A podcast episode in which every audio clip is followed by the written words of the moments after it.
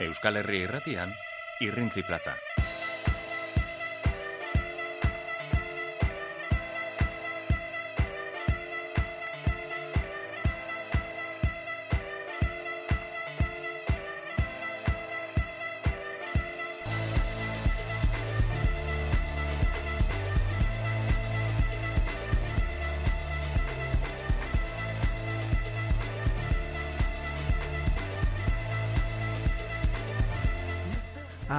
Arratxaldeon entzuleo kongitorriak irrintzi plazara Arratxaldeon amaialasa Arratxaldeon.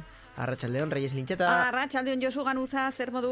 Ongi zuzer horre guraldiari begira Bai. etengabe horre eguneratzen arrastak egiten berak Horixe, gure entzulei esateko zer datorkigu Tira, ingo gainera. dugu esperimentu soziologiko bat Konparatuko dugu zure telefonoa eta AM eta adibidez Primeran. Iruña bilatu zu edo? Bai, Iruña. E, hemen Iruñean gaur bihar etzi eta etzi damu euria. E, gaur eta bihar euria eta ero ai, ostiralean ja jeisten dira temperaturak sei eta bat Mhm. graduen artean mugituko dira eta goizean goiz ba elurra egiteko aukera dago. Mhm. Eta larun batean berdin, lehenbiziko orduetan bereziki makurra, e, gero ordu bat inguruan euria batez ere, eta gero arratsaldean atertu egiten du. Hori da, hori da hemen iragartzen Ba, dutena. nahiko- Hiruetatik aurrera, ba, ostarte zabalak. Nahiko larun antzekoa, batean. eh? Bai, Zeren eta atzo komentatzen genuen, segun eta zegu egune begiratzen zenuen, Bai. iragarpena oso ezberdina zela, baina badirudi, ja eguna hurbildu aur aldera, ez? baina zer egin dugu guk, hau, merezi izateko. Euskaldunak izatea. Hori beti iruditzen zaite iragartzen dutena bezain bestekoa ez dela izaten. Beti Elurrarekin batez ere. Elurra eta euriarekin ere bai. Azken aldia batez ere e, euri asko iragarri dute eta oso gutxi bota Bai, du. bai, bai, baina bueno, eta guziz ere, e, kasualitatea edo, e, mm, txarrena ematen dute justo korrika iruñerrian dabilen e, tenorian, ez da? Bezperan eta gero larun bat goizean, eguerdira Bai. arte, gero alde egiten duenien korrikak e, iruñerritik orduan ostarteak zabaltzen dira. Ez- Iaz, ez zait osea, ongi e, iruditzen, 2019 ez ere zait ongi horrelako iruditzen. agertu zen, Ja. Iruña herria utzi zuenean korrikak, Ai, ama. ostarteak, baina, zer Bueno, egingo bueno, zer egin behar diogu, ba, eutxi, e, bakizu, eh? Guk saio berezi eginen dugula larun bat goizean, eta hemen informazio guzi guzi guzia izanen eh, duzuela goiz osoan zehar. Minutua eta emaitza. Jakinen dugu aldi Goizeko oro. bederatzietatik, Hori da, aldi oro non dabilen korrika, segiro dagoen, zeintzu diren e, ba, protagonistak, eta eta hoxe nork daraman lekukoa, eta hori guztia izanen dugu hemen. Eta bien bitartean, e, ba, begira nik e, komentatu nahi nizuen, gaur erabaki dutela norden e, aurtengo pintxoen astearen irabazlea. Gaur bertan erabaki Ui. dute, joan den astean egin zen, e, ba, pintxoaren astea, hogeita bigarren edizioa izan da, eta e, aurten irabazi du el merkao e, jatetxeak, Mhm. jatetxe tabernak, e, tubertxerri izeneko pintxoarekin. Zeote den, ba, e, patata eta txerria, ez, ez pentsatzen dut. tubertxerri, e, trufaren, trufarekin egindako zerbait. Mm, boilurra orduan. Bai, noka, bai, boilurrarekin egindako zerbait, baina hortikan aurrera ja deus gehiago nik Baina ez tuber patata izango da, ez? Tuber, txerri, eh, esaten zuten, ba, txerriei omenaldia gena izitela, haie bilatzen dituztelako boilurrak edo jaten dituztelako, ez dakitalako zerbait. Tuber, tuber edo tuper? Tuber. Ruper. Supertxerri. tuper txerri. Ruper txerri. Ba, tuber txerri el merkao. Hori eh, izan da irabazlea. Zilarra norentzat, iruña zarra tabernarentzat, irati izeneko pintxoaren gatik. E, ze nolako pintxoa den? Ideiarik ere ez. e, bronzezko saria, hau da, irugarren saria, la vieja iruña Osea, izeneko... iruña zarrarentzat ere. Ez, Euskeraz, bai. egia, egia, iruña zarra eta la vieja iruña. Ui, Mm. ez bat, bat, gara bat ere originalak eh, izena jartzen. kompetentzia desleiala. Hori da. Eh, beraz, la vieja iruña kon bokalatxa jartzen du. Bokalatxa izeneko eh, zea pintxoarekin. Bokalatxa, boka... Mm, Gazta, akaso? Bai, eta latxa, Ardi, remolatxa. Edo, Ez latxa, ardia. Latxa, Bai, edo remolatxa. Eta boka, pues Boka- boka, izango da horrelako korteza boka bitx bezala. Coca-Cola. Ah, horrelako ezakite kortezatxo bat, edo. Hori da. Eta... Ze gozea. Ultzama, mm, Ultzama taberna horrere, gelditu da ja beste postu batean, e, Biba San Fermin izeneko e, pintxoarekin, baserri berri hor egon da, baina e, dominari gabe gelditu da, aurten Fortuna Stem Amtu Boliku izeneko pintxoarekin, tori, Atuna? e, tuna eta euskalo zer gehiago. E, akari gastrotekak e, aurkeztu duen pintxoa da Keep Calm. Mhm. Eta, eta fallan, e, bada, nuevo ostaf izeneko toki bat. Eta, eta hori ere hor aurkeztu da. Pankon euro izeneko e, pintxoa. Eta el patio de remigio tuterakoak aurkeztu duena briotxito izenekoa.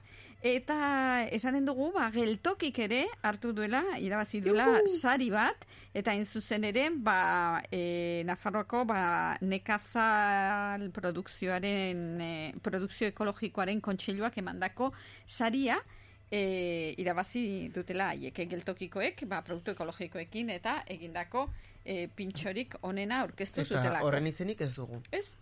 Ba, Galdetu beharko ez dakit, diegu. baina orain hasi da ere burlatan atzo gaur e, nazioarteko pintxoen Aha. lehiaketa. Beraz ere hor, bueno, beste ikutu bat izango du eta beste zapore batzuk izango ditu, agian ez horren tradizionala guretzat. Bueno, baina, tira, orduan ez iruditzen zaizu, ez datuko dugu gaur. E, hori, tuber, tuber txerri bat, edo furtuna estam du buliku, edo... Claro, zu pentsa joten zarela barra, eta Calm, esaten edo diozunean zer. eduz fortuna. Jarri- a- atun pintxo bat. Jarriko jazu fortuna... Biba San Fermin esan duzu beste Biba bat, San ez? Fermin, bai. Dik, eh, Biba San Fermin bat, eta, eta zuk eh, zein aukeratuko duzu? Nik pankon euro. Pankon euro. Igual euro bat dauka gaur. Bai, eta zuk Txerri. Txerri.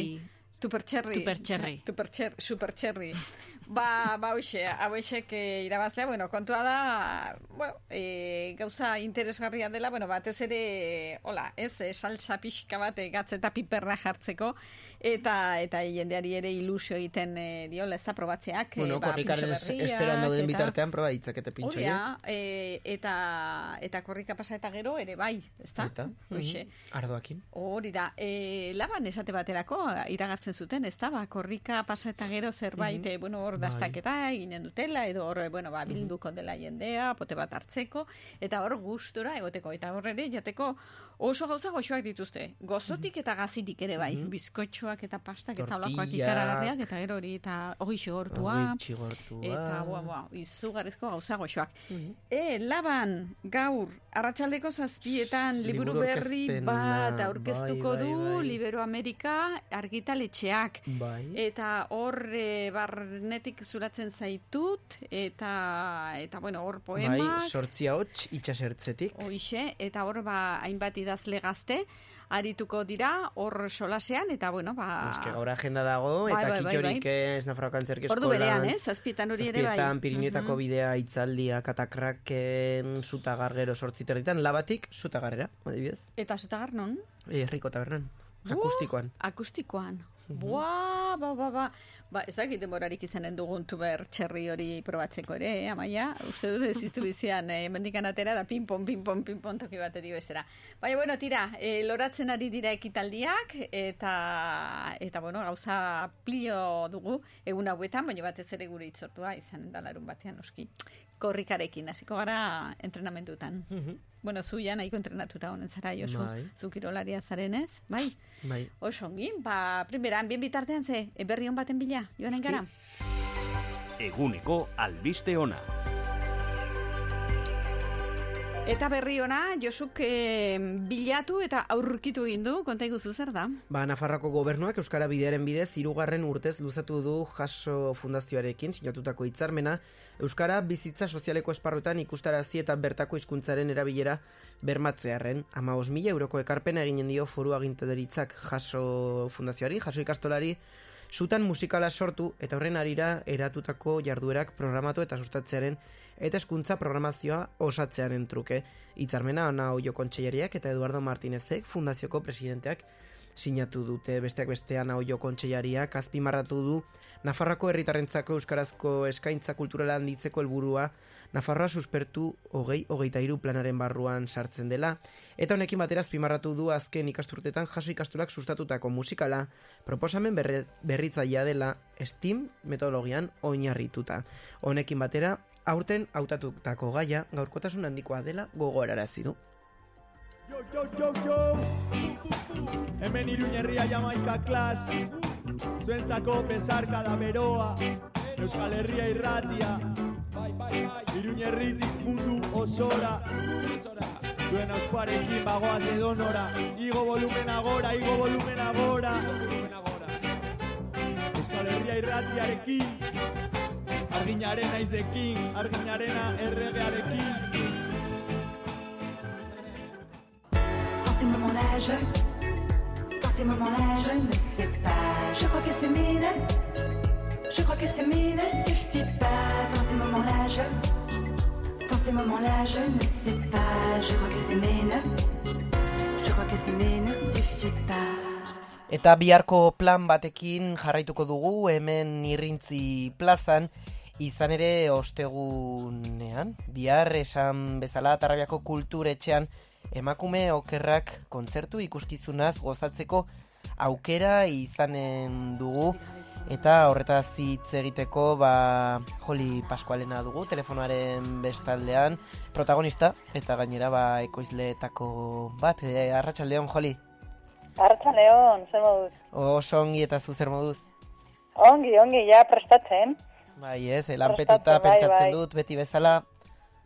Bueno, horretan gabi, bueno, bai, badakizu, e, ja proiektu asko izan behar dituzu, e, igual lehen baino bikoiztuta, eta ba, be, erdi ateratzeko ez, orain da horrela, baina hor- horregatik lan egin behar da asko, baina ezin gara kexatu. Mhm, Bueno, hori ere e, seinale, seinale ona baita. Galetu nahi nizun joli, ono, ekoizle esan dut, baina e, musika zuzendaritzan, aritu zara zu emakume okerrak proiektu honetan, eta zurekin batera oholtzan hariko dira Leire Celestino pianoan eta Paula Azkona txeloan. Bai, hori da, esan beharra dago Gorka Pastorrek e, ba, musikaren arregloak egin zituela, Mhm. e, orain dela bi urte uste dut jarri genuela zutik, eta eta bueno, hori zen zen gure abia puntua ez, e, elkartu nintzen gorkarekin, eta aber zen nolako soinua nahi genuen lortu, eta bueno, hori zen zen lehenengo pausoa, eta gero ja leire eta paularekin e, bantxaiokin hasi ginen, e, patxi barkoren e, gidoia, zei ba, abestin tartean, Mhm. Eh, bueno, nahi badozu zertaz di joan asuntua bai, azalduko bai, bai, dizut, bai. esartu naiz, ja dena kontatzen eta barkatuko idazu. Bai, lasai, bai, bueno, justo urrengo galdera zen ez, epizkate zer kontatuko diguzuen, ze ez da kontzertu soil bat, baizik eta kontzertu eta ikuskizuna ustartzen duzue. Bai, bueno, ahotsa piano eta txelo, e, txelorekin kontzertu eszenikoa da, eta, bueno, musikaren historian, pues, hainbat emakumezko abeslari eta musikagile aparta, eta oso ezagunak diren e, hoien artisten bertsio originalak egingo ditugu, ba, mm, instrumento hoiekin, e, ba, eta e, abestien tartean, haien e, e, inkorrekzioak edo politikoki, sozialki edo emakumeak izateagatik ba, okerrak, e, alde okerrak e, ba, ikusiko ditugu, ez? Orduan, e, abestia hori behin jakinda entzuten da moduz berdin batean, ez? Bai, e, beno, pixkat ez dakit nola lotuko dituzuen kantak e, kronologikoki den, ala, bueno, pixkat ausaz egin duzuen hori, ba, gidoia osatzea. Ba, kronolijo, kronologikoki ez, be, ze, bueno, denetik eh, daukagu e, Janis Joplin, Txabela Vargas, Lourdes Iriondo, Joan Baez, Ine O'Connor, e, e, Nina Simon, oza, hainbat dira, bueno, e, hogei garren eta hogeita bat garren e, markadakoak, ordun, ba, bueno, mm, batez ere e, inkorrezio horiek ezberdinak izatea nahi genuen, ordun, ba, ba, bueno, e, hori izan da gure aukeraketan ba, lehenengo pausoa, ez? Bai, e, bai zu, Joli, bai Leire eta bai Paula, musika eszenatik zatozte, baina, bueno, bakoitzak e, igual adar desberdinetatik, ez dakit nolako irukoa osatzen duzuen? Bueno, haiek e, e, musika irakasleak dira, bueno, e, nik ere bai hori ikasi nuen magisteritza musikala eta pedagogia, beraz, ba, hori lotzen, lotzen gaituen horrek, e, baina haiek bai e, ba, badira oraingoan irakasle moduan daude eta el, le, leire celestino adibidez eh, la chica sobresaltorekin ibili da e, bere hasieratik era, eta orain arte ja taldean ez dabil baina berarekin hainbat akustikoak egiten oraindik jarraitzen da. Eta hori irakaslea aparte. Eta Paula e, bai klasiko klasika musikan eta kontemporaneo diren hainbat proiektutan dabil. Orduan, ba, bai, mundu ezberdinetik gatoz, baina, baina bueno, oso ondo moldatzen gara iruren artean, eta, bueno, ja, hainbat ikuskizunen ondoren, jo, ba, hori, badago ja zeo zer berezia, ez? Ederki. Eta azkenik e, beste galdera bat, e, ze nolako harrera izan du orain arte eskenatokietan, eta, bueno, e, aritu zareten tokietan e, ikuskizun honek? Ba, oso harrera ona, egia zan, eh, hasiera batean ez genuen espero, baina ja, jo, ja, badakigu, bai, osea, bueno, igual batzuentzat, ez da, ez aio gustatuko, eh, bat, baten bati, baina, jo, normalean, eh, ze oso bilbide polita da, oso estilo musika, musika ezberdinak, entzuten, entzuten dira, eta orduan ikuste dut, um, horrek ba, ba zeo zer berezia daukala eta eta jendeari asko gustatzen zaion. Bai, ez dakite ze kanta edo ze makume abeslari bertsionatzen, e, musikari bertsionatzen e, disfrutatu duzuen gehien?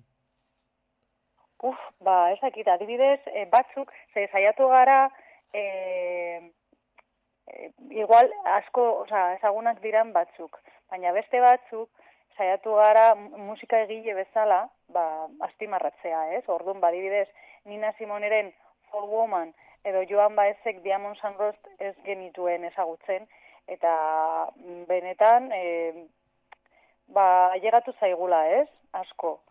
Eta gero eta gehiago gustatzen zaigu egiten ari garena, zen normalean ez da hori gertatzen, ez? Normalean, hainbeste entzun ondo eta bestu ondoren, eta baina jo, gertatzen zaiguna da, ba, oso, ba, ba, oso gustora gabiltzala e, ba, abesti, oza, aukeratu dituguna abesti hauekin. bai. Eta moldaketakin, eh? Noski, noski. Ba, Joli Pascualena, eskerrik asko Euskal Herria irratiaren deia hartzeagatik eta biaren zuleok badakizue, arratsaldeko zazpietatik aurrera, zai izango dituzuela, Joli, Leire eta Paula, emakume okerrak e, musika kontzertu eta ikuskizuna eskaintzeko prest. Eskerrik asko eta hurrengora arte, Joli. Eskerrik asko, zuei.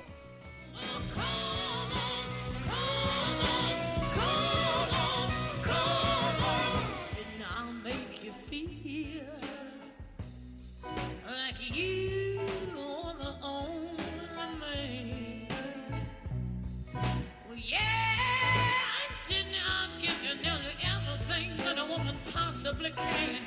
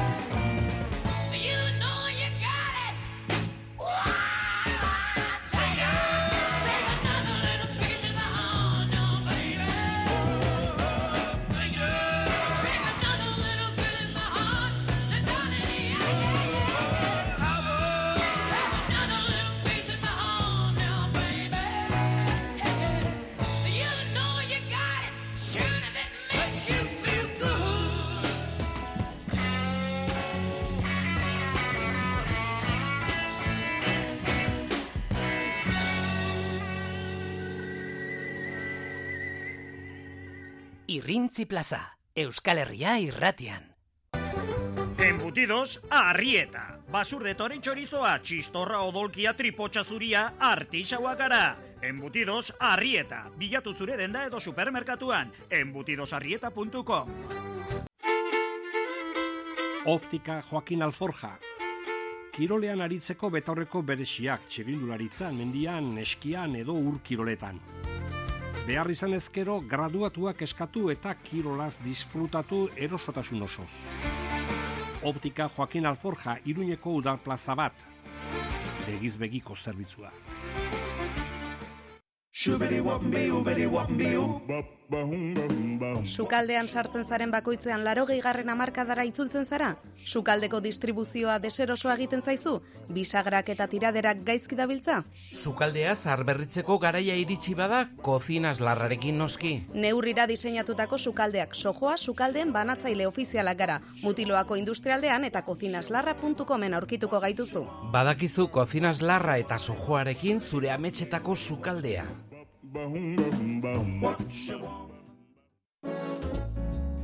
Martxoa koltsoiaren hilabetea. Aprobetxatu koltsoneria gorritxoren eskaintza.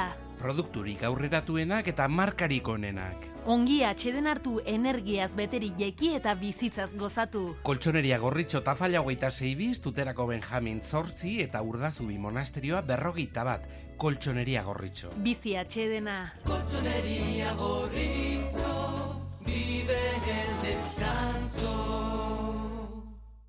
Arro nago, erosten dudana eta jaten dudana hemen Eta hemen, jaso dela jakiteaz arro. Euri honetaz eta zelai hauetaz arro. Bertakoa, jatorria, freskotasuna. Kalitatea erosteaz arro. Nire nortasunaz eta jatorriaz arro nago. Bertakoa izateaz arroba zaude, erosi bertakoa. Kaiku, Euskal Herrian jaso eta ontziratzen den esne bakarra.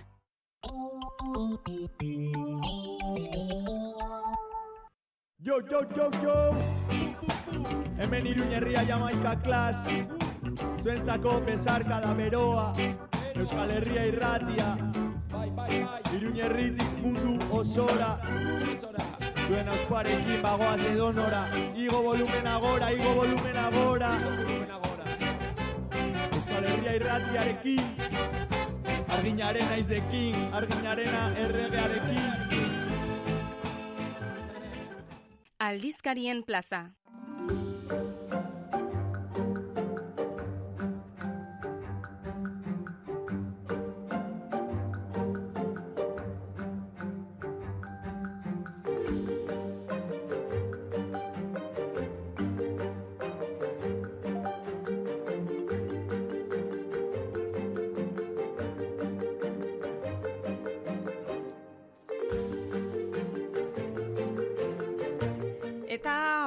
Bagoaz, e, argi aldizkaria irakurtzera, asteazkenero egiten dugune bezalaxe, eta horretarako e, gombidatu dugu gurera, e, ba, hori, astero bezalaxe, Xavier Letona, atasi, argia aldizkariko e, kazetaria. Arratxaldeon, zer moduz?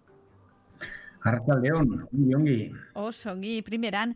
Aste honetan eh, kaleratu duzuen eh, argia eh, hartu eta hemen azalean kortxikaren inguruko informazioa ikus dezakegu.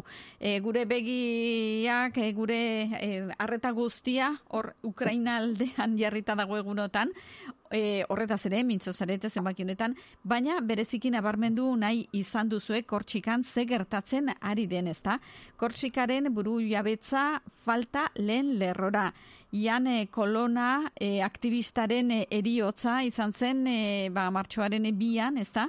Eta e, honen inguruan e, bildu duzue informazioa guri helarazteko. Konta iguzu, ze gertatzen ari da kortxikan eta zergatik da horren garrantzitsua aktivista honen eriotza? Bueno, ba, egia da, ba, martxoan hil zenean e, e, zera, aktivista hau, preso hau, beste preso batek e, jipoituta, ba, aspalditi zegoen egia zen da bai bera eta bai beste hainbat e, korsikako e, presoen, ba, bueno, pues, e, korsikara ekartzeko eskaera hori, ez? Eta, eta bueno, behin ere zen gauzatzen, besteak beste, estatu presoen estatu berezia jartzen dietelako e, Frantziako estatuan eta horren ondorioz ezin dezaketelako e, Korsikako presoek ba, Korsikara eramateko eskaera hori ezin dezaketelako egin. Bueno, azkenean ba, hil zen e, sekulakoa ba, montatu zen e, Korsikan, e, kale borroka handia, denok ikusi genituen irudi haiek eta abar eta bar, eta, eta bueno, detonante bat izan zen azkenean, e,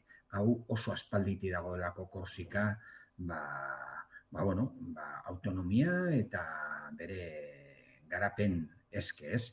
Eta, bueno, ez da kaleetan bakarrik gertatzen den e, kontu bat, ez? E, estatu frantzese asasinu, e, ez du behar itzulpenik, argi eta garbi esan dute kaleek, baina, bueno, e, bertako erakundeetako arduradunak ere, ba, esate baterako Gile Simeoni Kortxikako gobernu buruaren e, hitzetan, e, estatua da e, eriotza horren lehen arduraduna, ardura astuna dauka eta ein e, anitzetan gainera, ez? Beraz, e, dimentsio oso zabala dauka gaiak, azken, azken finean kontuan hartu behar da, ba, mila zazpirun da iruro eta sortzitik dala Kortxika e, Frantziako e, lurralde, eta e, onantzago etorrita, ba, e, joan dan mendeko amaieratik mila bederatzen da irurago eta amaseitik eta bimila eta amalaur arte gatazka, go, gatazka armatu gogor bat bizi e, izan duela, bake prozesuan, eta e, gatazka hori aurrera eraman izan duen e, Kortxikako nazio askapenerako fr, e, frenteak e, zuetenean e, dago, baina, baina gatazkak hor dirau eta Kortxikarrak eskatzen ari dira ba, instituzio eta ardura propio e, handiagoak, autonomia zabal bat, eta, eta bueno, orain arte behintzat, e, Frantziak atxeak, ateak e, e, itxi dizki eskaera horiei. Eta orain, ba, gertatutako istilu guzti hauen ondoren, ba, Macronen gobernuak esan du hasiko direla autonomia hori aztertzen, eta, eta bueno, e, Darmani e, ministroa ere hurbilduko da mm, Korsikara, ba, negoziazio hauek e, nola egin behar diren e, eta abarre e, ba, bideratzeko, eta esan du, ba, bueno, ba, 2022ko bukaerarako ba, posible dela e, lehen proiektu, lehen autonomia proiektu bat izatea. Eta, bueno, pues, hoiek guztiak kontatzen dira erreportaje honetan. Oso interesgarria. Batzuetan ez dugu harreta gehiegi jartzen ez da, ba, e, gatazke eta konflikto luze hauetan, baina noiz noiz konbenigarria izaten daulako e, erreportaia e, ongi eginak irakurtzea jabetzeko zertan diren gauzak eta ulertzeko, ez da, nolakoak diren prozesu horiek. Eta Frantziar estatutik atera gabe hauteskunde hotxak, e, konta eguzu, e, motorrak berotzen ari dira orain, e, nola dago panorama, e, e, ultraeskuina gero eta gertuago Macronen gandik, konta eguzu.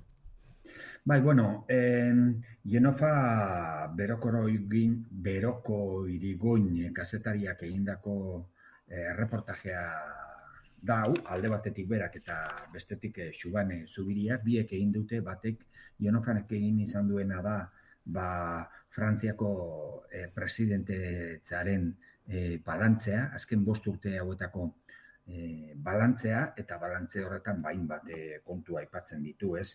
Besteak beste nola zergen e, gutxitzearekin batera, zerbitzu publikoen aultzea, eta lan merkatuan fleksibilitatea bideratzea izan diren ba, Macronek harturiko orientazio politiko nagusiak eta hitz egiten da hor, ba nola izan den aberatzen e, e, presidentea, zerbitzu publikoa nola murriztu dituen e, ba, defita, defizita txikitzeko, edo, bueno, izan dituen istilu ikaragarriak ere bai, gogoratu behar da, nola 2018an ba, sortu zen jaka horien e, borroka handi hori, eta, eta bueno, itzelak izan ziren e, garaietan, iru mila kondenatu, e, mila pertsonatik gora e, sartu zituzten e, espetxean, edo 2000 eta bosteun e, jaka hori zauritu zituzten besteak beste ez, borroka latzak e, alegia.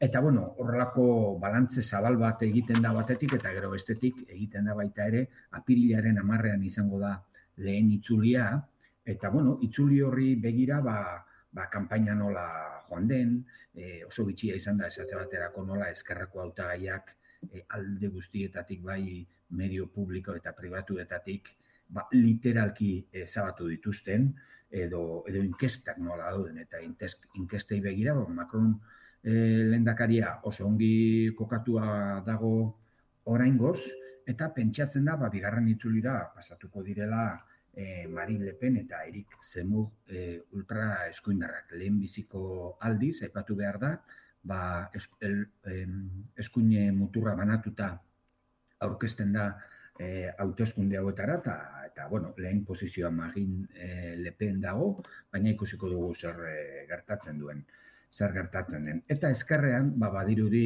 e, ba, bigarren e, tanda horretara pasatzeko aukera bakarra duena e, Jean-Luc Mélenchon e, litzatekeela. Ez da oso probable, baina bueno, beti gertaliteke. Eta, eta tira, ba, ba, bueno, horiek guztiak aztertu dira, eta gainera aztertu da baita ere, ba, e, kanpainaren bukaeran etorri da baita ere Ukrainako gerra, eta, eta bueno, pues ezaguna da, nola e, Macron ibili izan dan e, e, Putin lehen dakariarekin negozioketetan eta abar, eta beraz, ba, pentsatzekoa da baita ere, ba, herritarrek e, Ukrainera begira ere boskatuko dutela. Hori guztia ikusiko dugu, ze gertatzen den. Eta bukatzeko beste gai bat, kasunetan elkarrizketa, e, aipatuko dugu Miguel Angel Llamas Pitu, e, kazetari deserosoari egindakoa, noa indarra, eta hemen e, ba, besteak e, beste ezaguna, hautsa.infon ari delako lanean, e, agerkari digital horretan, eta non dago Mikel e, dokumentalaren egiletako bat delako. Zer e, kontatzen du pituk elkarrizketa honetan? Bueno, ba, Reyes Ilintxetak egindako elkarrizketa eh, honetan gauza asko aipatzen dira, ez nola hasi zen eh, militantzen eh, eskerra bartzalean, eh, noainen, gaztetan, oso garaie e, gogorretan, e, nola izan zen e, atxilotua, bin baino gehiagotan e, gainera, torturatua, e, espetxe aldiak, birritan izan baita e, espetxean, eta kontatzen du gainera zein desbarrentasun ikusi dituen, ba, ikusi zituen e, lehenengo espetxe alditi bigarren e, espetxe aldira, ez? Biak txarrak edozen kasutan, berak argi esaten duen bezala, ba, ba bueno, espetxea oso gogorra dalako eta eta ez delako inorentzako lekua eta arrasto sakona uzten duelako bizitza osorako, ez? Orduan, ba, bueno, pues hoiek guztiak batetik eta gero kasetaria denez baita ere, ba, bueno, kasetarintza nola ikusten duen, gaur egungo gizartea nola ikusten duen, goraipatzen ditu gazteak, adibidez, batez ere e, gaur egun e, zerbait egitera motibatzen diren e, gazteak, ba, aipatzen duenez, ba, presio handia dutelako gazteek, eta hori gaur egun e, merito handi moduan ikusten duelako berak. Eta, eta bueno, ba, hoiek aipatzen ditu, eta beste asko, eta egia esan, iruindar askorentzat pertsona e, ezaguna da, batez ere kalearekin eta kontaktua duen e, e, jendearentzat, eta askotan ikusiko dutelako pitu e, bizkarrean kamara hartuta irudiak hartzen gero hautsa.info eskaintzeko. Mhm. Alaxe da. Ba, gai hauek guztiak eta gehiago noski, aste honetako argia astekarian, e, Xabier Letona atasi eskerrik asko gurean izateagatik, eta heldu den aste azkenean ongirutzen bazaizu, ba, beste sola salditxo bat eginen dugu, hemen gure irrintzi plaza honetan. Bai? Oso ongi. Ez horregatik eta datorren aste arte. agur. Ai, agur! Ozen denok, eman bide Euskal Herria irratiare! Euskal Herria irratia. Inkestagileek galdetzen badizute, esan ozenki, Euskal Herria irratia entzuten dut eta arronago. Egin dezazun bidea.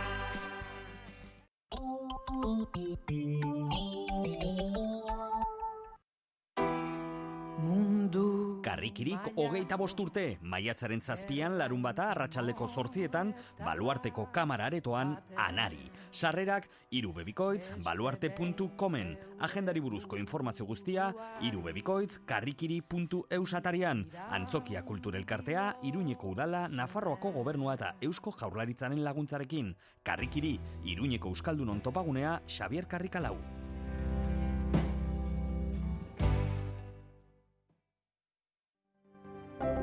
Gero eta gertuago gaude rural kutxan. Garrantzitsua da elkarrekin azten eta aurrera egiten jarraitzea. Amets egiteari ez usteko, betikoak izaten jarraitzen dugu. Horregatik, gertu egotea gustatzen zaigu. Beti. Jitu, zatoz zure gustuko opariaren bila. Jitu opari denda Merkader Eskalea Iruña. Emakumeen osasunari garrantzi handia ematen diogu ekiaeko denan garrantzitsua baita barrutik eta kanpotik zaintzea. Higiene intimorako produktu ugari aurkituko dituzu ekiaeko dendan baita aurpegia gorputza eta hilarentzako kosmetiko naturalak ere, eta emakumearen barne oreka zaintzen laguntzen dizuten osagarrietan aukera zabala. Ekia eko denda iturra mauzoa Fuente del Hierro lau. Biatz, rokodromoa, maila guztietako erronkekin ornituriko bulder instalazio zabalak, kirol eskaladan aritzeko lekua, zailtasun ezberdineko bide eta makurdura aldakorrekin. Adin eta maila guztietako ikastaroak, astapenekoa sei urtetik gorako aurrentzakoak eta helduentzako entrenamenduak taldeka. Informazio guztia, biatz.com webunean eta sare sozialetan. Biatz rokodromoa, landabengo industrialdean gaude.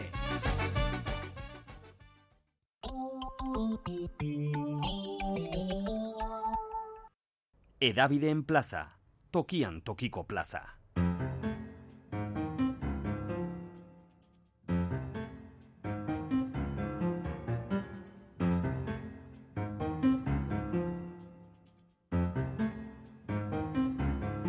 Bagoaz eh, kronikaren bila, lehitza aldera, antxe karrape irratian unai zabaleta, ratxaldeon unai. Hori ez da unai.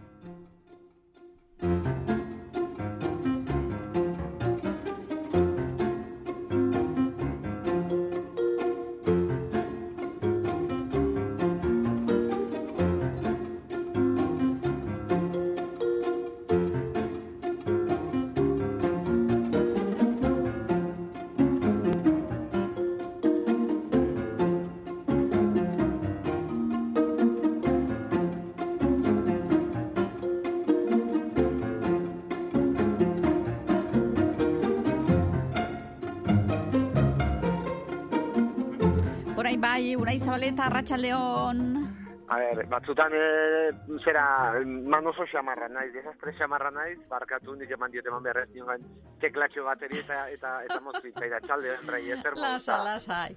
Zen bu zaudete, ongi? Ba, ongi, kerri ongi, bai, bai, hemen e, gustora betiko martxan, eta eta kontu mordozkakin, eta hemenka, baina, no, badakizu ikusten, ez dakit, eh, e, badakizu askotan, e, ez gurean bakarrik, bazter guzitan, e, notizieroen aurreneko zera albistek askotan hartzen ditula eguraldik, ez da? Bai, Eta eta ze? txan- eta txanda hontane, bolo bolo da bilen e, kontue, udaberrin sartu gala, baina udaberriko negu ere etorriko zaula datozenen eunetan. Bueno, agiri zor, gurean hemen lehitzen, e, bai, atzo ja gaur ez natu ga, lurre pixkote bustikin eta hori guzti. Beraz, euri e, izan dute, baina nahiko da, euri txiki bezala izan dute, eh? ez da zaparra da handik izan, oain goz betire. Badirudi, bi arretxiten alaxe esaten nahi die, euri, e, bueno, mm, dotore bota omen dezake gure ingurutan, eta gero, albistea edo zein modutan, laster, elur kontu gaitzen ditugunean, aiama, aiamaka aztenga, eta eta hortxe, ez da, ez da izeman metrotara etxi berdula elurrek, eta eta lanbeta aldera izan ote dikiken, ostie lanbeta aldera, Bueno, denetik entzuten denez, e, bazezan beha, gure zarrak esaten dite mote, mote, mote zapuratu, gara ibeteko elurrek ez izanen eta horretxekin gelditzen ga, badakiuna da, Gipuzkoako diputazioak nola, e, bueno, e, izera giri bete bialidun, gurerare bai, leitzalderare iritsi zau, eguerdi parten esanez, bueno, ba, amabost autobidea, bai beraztegi paretik eta andoaine bitxarte, itxita egongo litzekela baldin eta, ba, hasiera baten betire, gordin jaso duenak zion, errepideko langileek eta agenteek e, ala erabakiko balue, ba, itxiko litzikela bihar gauetik eta hostiela.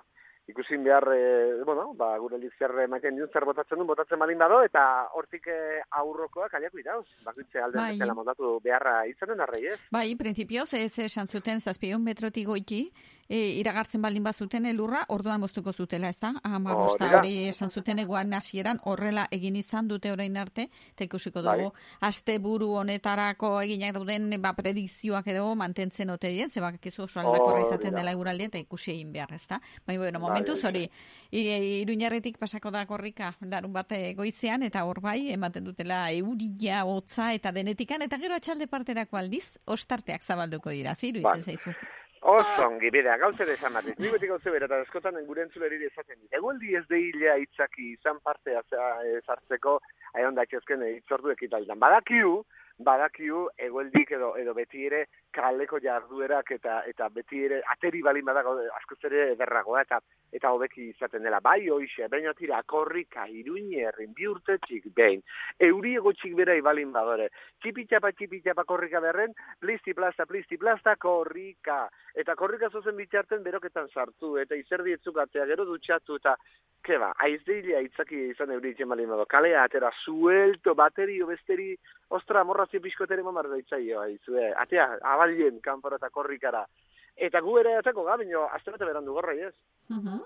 Gu azterte berandu, gu aprilen behatzi Bai. inguru hortan, eh, etorriko baitzau e, ordu gaben e, betire eta hostieletik lanbeterak hortan, eta eta hoize, edozein modutan lehenik eta ben bai aipatu nahi nituzke bi kontu. Eta bi kontu irisgarritasunekin lotuta daude, ezta? E, leitzen badakizuen dela urte eta geixio, e, LHL erronka martxan nola jarritzen herriko gazte batzuk, tarten gero familia sartu ziren, eta bueno, lorpen izugarrik izan dituen. Kampaina bate latza egin zuen, eta mileka euro lorture bai, ezta? Zagit hogeita mila euro, zemal lortu zituen gutxi bera bere uste datu hori zela. Zaro, gertatzen dena da, berako oso argi zeukean. Lortutako diru guzie, herriko hainbat lekutan, betire irizgarritasun kontutan hartuta, e, empleatuko zituela, ezta?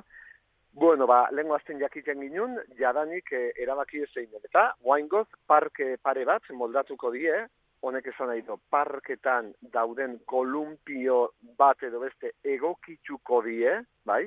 Alegie, denak aukera bera izan dezaun e, parketara joan eta jostetan e, aitzeko, eta horrez gain, herriko hainbat lekutan, e, banku, gesertzeko banku gezoden lekutan, e, banku horik berri batzu jarriko ditu. Dena eskatuta dago, oain ekartzea, materiala ekartzea falta da, eta gero udalak, e, udalan laguntzakin hori guztik e, jarriko liekea. Ez hori bakarrik, LHL beste erronkaz bat, beste helburutako bate bazen, e, kasu honetan, lekukoa beste herri bateri pasatzea. Beraiek lanketa ederra ingo eta gehioan, eta berak ez zuen esaten gu beraiek haineko lan egin behar duenik, edo bino zeo zertan herri hortan e, lanketa txikin bet balin badare, pauso bat gehiago irizgarritasunen ingurune ematen badu beraiek pozik. Eta lanketa hortan, atxudie bilaketan, eta bueno, ba, bai, Gipuzkoako seguran dao, lekukoa, lehen goian den, egordiko amabitan, leitzarrak segurara joan ziren, lekukoa Gipuzkoarre segurarrei pasazien, eta ban segurarrak herrine olako lanketa bat egin due gai honen ingurun. Beraz, alde hortatik, bueno, ba, aldizte ederrak eh, die. Eta honekin lotu eta leitzeko udalak, azte, lehengo azten hasita eta on mitxarte, herriko aparkaleko batzuk eh, egokitu ditxo, bueno, ba, beti ere, ez gaitasun bat duen entzat izaten dieba, ez da? Parkaleku berezi betzuk, urdindu betzuk, ez da? Bueno, ba, oain arte lehitzen, e, bazien, baina oain e, askoz ere gehiago jarri ditue. Eta urdin kolore bizi hori nabarmenago ikusten da, bai?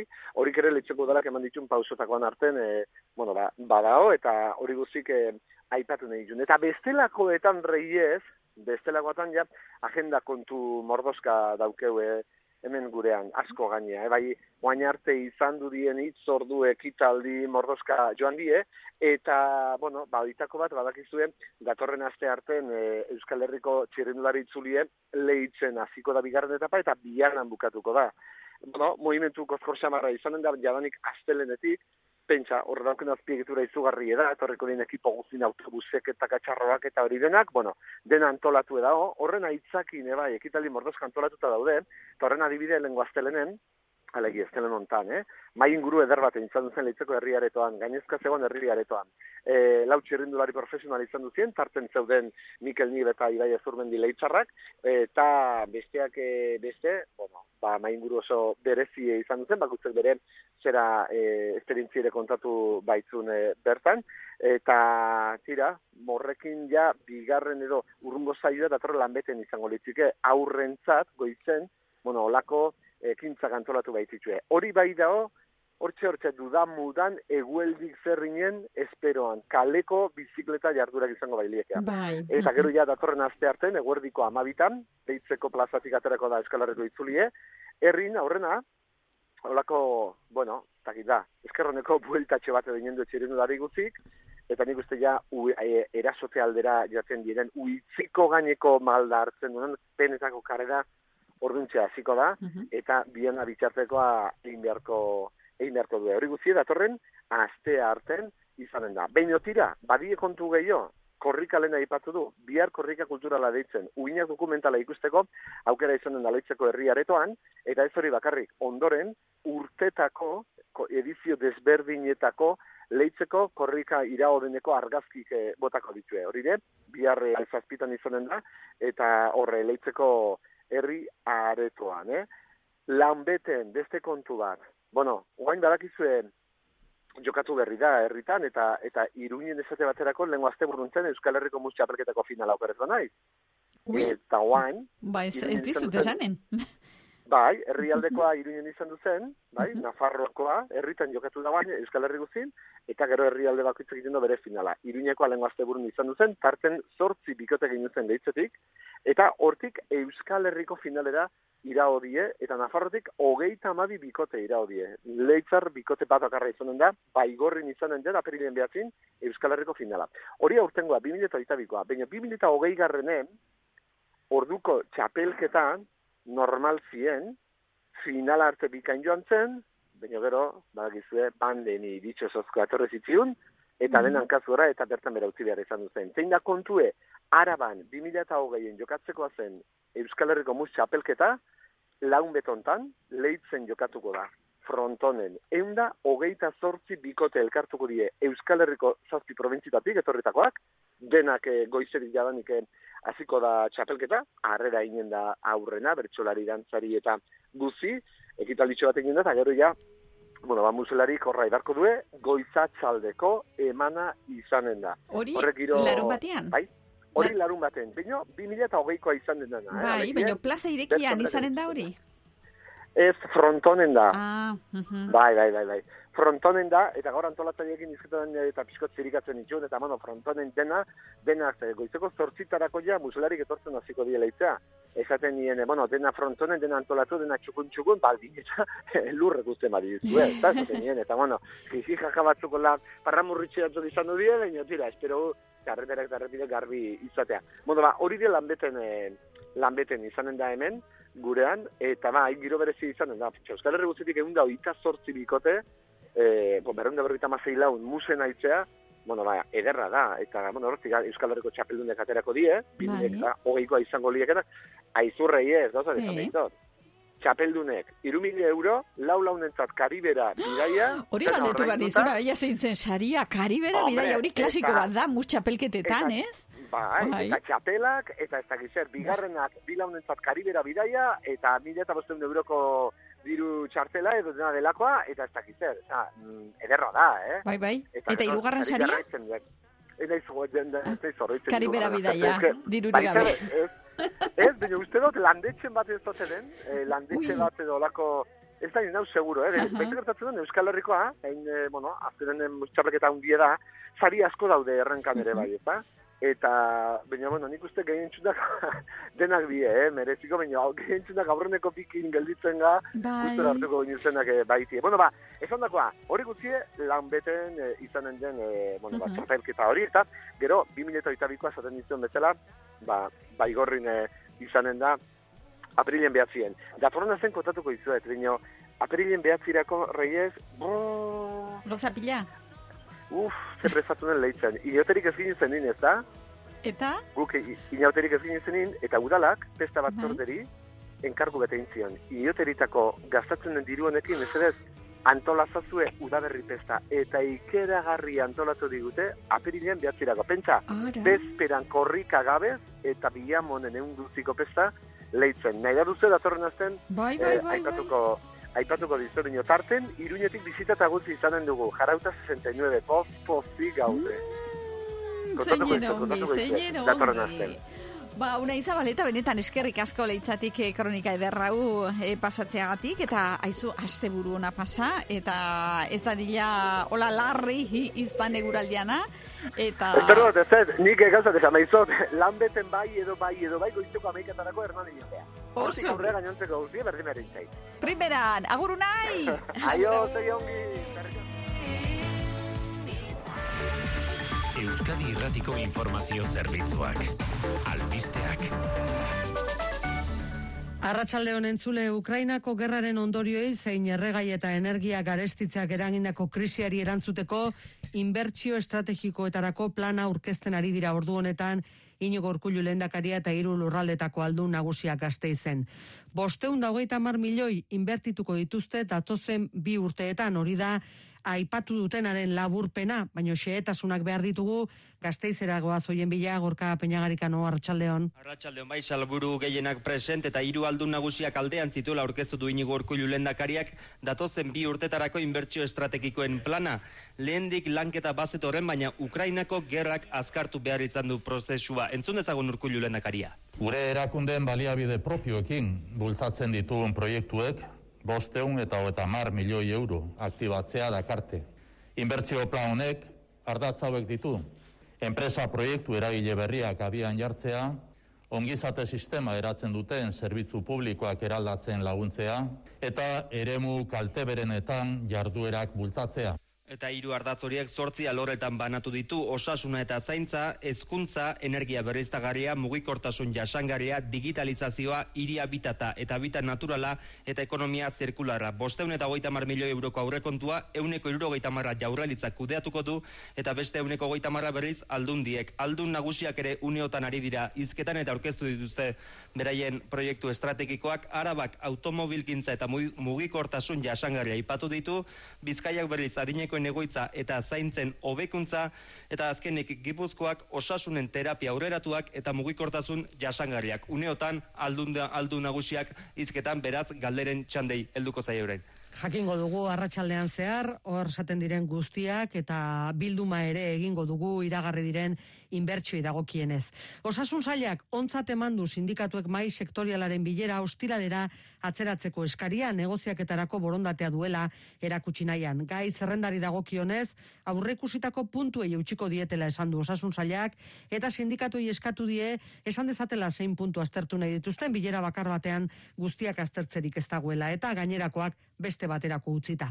Eskaintzat ontzat ematea espero du eta mai sektoriala elkartzeko aukera izatea ostiralean. Osakidetzako sindikatuek ez dute parte hartu azken bileretan osasun sailaren negoziaketarako borondatea zalantzan jarriz. Donostian berriz, auzokiden oposizioa ikusita, Eusko Jaurlaritzak euneko berrogei txikituko du Loiolako herriberetan eraikiko dituen bi dorreen tamaina.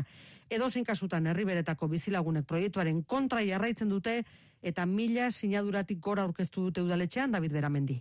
Bizilagunen aserrea ikusita, Eusko Jaurlaritzak Loiolako herriberetan erekiko dituen bi dorreen tamaina euneko berrogei murriztea erabaki du Pedro Jauregi etxe bizitza sailburu ordea. Reducir de 20 a 13 plantas en uno de los edificios. Con esto se intenta dar una respuesta equilibrada. Eta hortaz azkenean gazteentzako eunda hogei apartamentu egin beharrean laurogeita marringuru egingo dira. Dena den Loiolako herriberetako bizilagunek proiektuaren kontra jarraitzen dute dorreak egin ez daitezen mila sinadura pasatxo aurkeztu dituzte udaletxean. Josu Rodríguez bozera malea. Hogei pi- solairukin edo amairu solarekin berdin da, hor dau.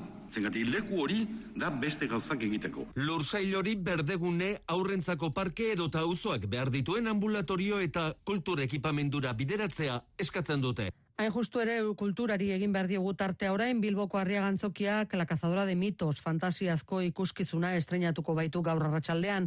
Naiel eta Martin Ibarrola anaiak daude antzerkia, zinema, musika eta animazioa uztartzen dituen lanaren atzean. Zuzendari artistikoan lehena, Gido Hilari gisa bestea, tokiko mitoak berreskuratu eta lantzen dituzte bertan. Leire Lupez Puillo da protagonista. Lila, nire pertsonaia, museo batean lan egiten du antropologa bezala. Eta berak mitoak aztertzen ditu, mito lokalak, eta egun batean, bapatean, e, mito horiek ikusten hasten da. Eta berak ez daki, ia soratuta dagoen, ala benetan mitoen atea ireki duen. Eta hori da ikuskizunaren abia puntua. La cazadora de mitos arratsaldeko zazpieterritan ikusgai gaur eta bihar arriaga antzokian. Eguraldi kontuetan, euri kontuak eh, dagoeneko iragarrita zeuden bezala arratsalde partean hasi zaizkigu inguratzen, bihar egun euritsua iragartzen bai zaigu, e temperatura hotzagoekin eta iluntzerako baita elurra ere, berreun metroraino ere jaitsi daitekela esaten dute pronostikoek. Bostak eta bost minutu errepidetan berririk ez dugula amaitzen dugu e, albiste emankizuna, segurtasun sailetik esan baitigute ez dela aparteko gora berarik, seietan itzuliko garela esanez, eta tartean informazioa eskura duzuela eitb.eusatarian gero arte. EITB. Komunikazio taldea.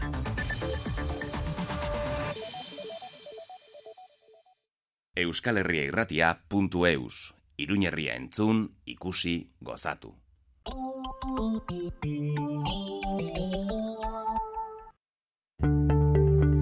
Nola bizi dira gazteak euskaraz, ze erronka ditu euskarak. Ametsaranguren ibilbedi musika taldeko abeslaria Begoña Garaiko etxea gaztealdiko partaidea maitane jungitu geimerra eta unai dufur osasuna futbol taldeko jokalaria elkartuko ditugu galdera horiei erantzuteko. Berrogeita mar urte aurrerago, euskaraz bizitzeko autua solasaldia, martxoaren hogeita maikan arratsaldeko seiterdietan, iruñeko katakrak liburu dendan, zatoz. Eluiar berrogeita mar urte aurrerago.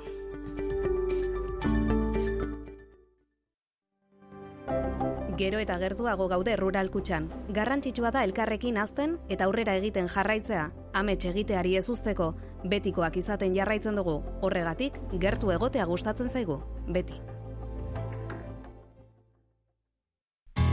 Kirola egitea gustuko duzu? Itxaso karabanak zuretzako diseinatutako kanperrak. Mugarik gabe bidaiatu nahi duzu? Zuretzat diseinatutako autokarabanak eta karabanak. Bidaiatzeko orduan erosotasuna bilatzen baduzu, itxaso karabanak. Eskirozko bigarren eskualde industrialdean, iruñetik bost kilometrora. Hogeita mar urte baino gehiago, bizi eta bizi modu honetaz gozatzen.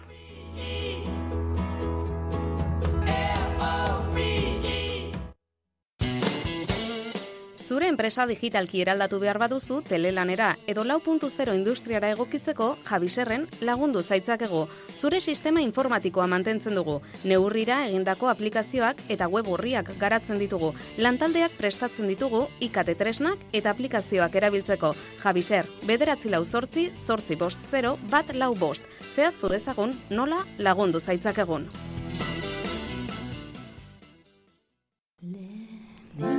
Karrikirik hogeita bost urte maiatzak amar aste artea arratzaldeko zazpietan laban, olatu arteko txalupa arraroa ikuskizun musikatua eta poesia errezitaldia Ines Osinaga musikariarekin eta Joseba Sarreonandia idazlearekin.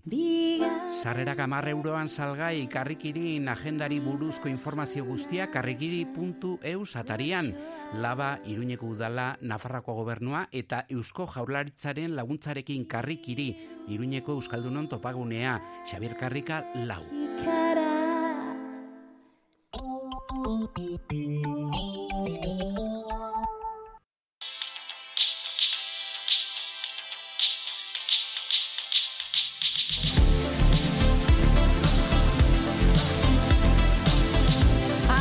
Arratxaldeon berriro etzuleok hementxe irrintzi plazan Euskal Herri Irratian zuzen zuzenean jarraian e, gaurko irrintzia adituko dugu gaur gurekin Ainoa Larretxea kazetaria. Ardura. Asteburuan Hernanen izan ginen sagardotegian. Oiko plana izaten dugu urtero sagardotegira joatekoa. Goizean goizetik bertara joan eta urrengo eguneko goizaldean itzultzekoa. Sagardotegien bazkaldu, bertako tabernan trago batzuk hartu eta iluntzerako jaitsi ginen hernanira. Duela bi urte sagardotegi denboraldia erdizka gelditu ondotik, inoiz baino jende gehiago dabilela errantzigun izan ginen sagardotegiko jabeak. Eta hori sumatu genuen hernaniko karriketan ere. Iluntzeko zortziretan, goizaldeko laurak balira bezala zebilen jendea. Dena onartua, araurik ez. Eta tartean eskatu gabeko ukituak, eskatu gabeko bultzadak. Bakarren bati bakean uzteko erran eta borde, amargada edo tantzeko jasotzea erantzun gisa. Zerbait gaizki egin duena gu izango bagina bezala, eta badakizu hori nori egiten dioten ez da? Beste egin nahi dugu, baina guk nahi dugunarekin. Nahi duguneran eta zuen eskuak gure gainean paratu gabe. Alkola ez da itzakia. Jakin dezazuela, eraso egiten duen bezain, erasotzailea dela erasoren antzinan isilik gelditzen eta irri egiten duena. Zuen ardura ere bada. Hernanin, Iruñean edo beran izan. Behatzi zortzi iru Euskal Herria irratia irean da. Broken Brothers ibai ertzean. Ba ba ba bai ba. Hogeita maikatik mundura. Hogeita maikatik mundura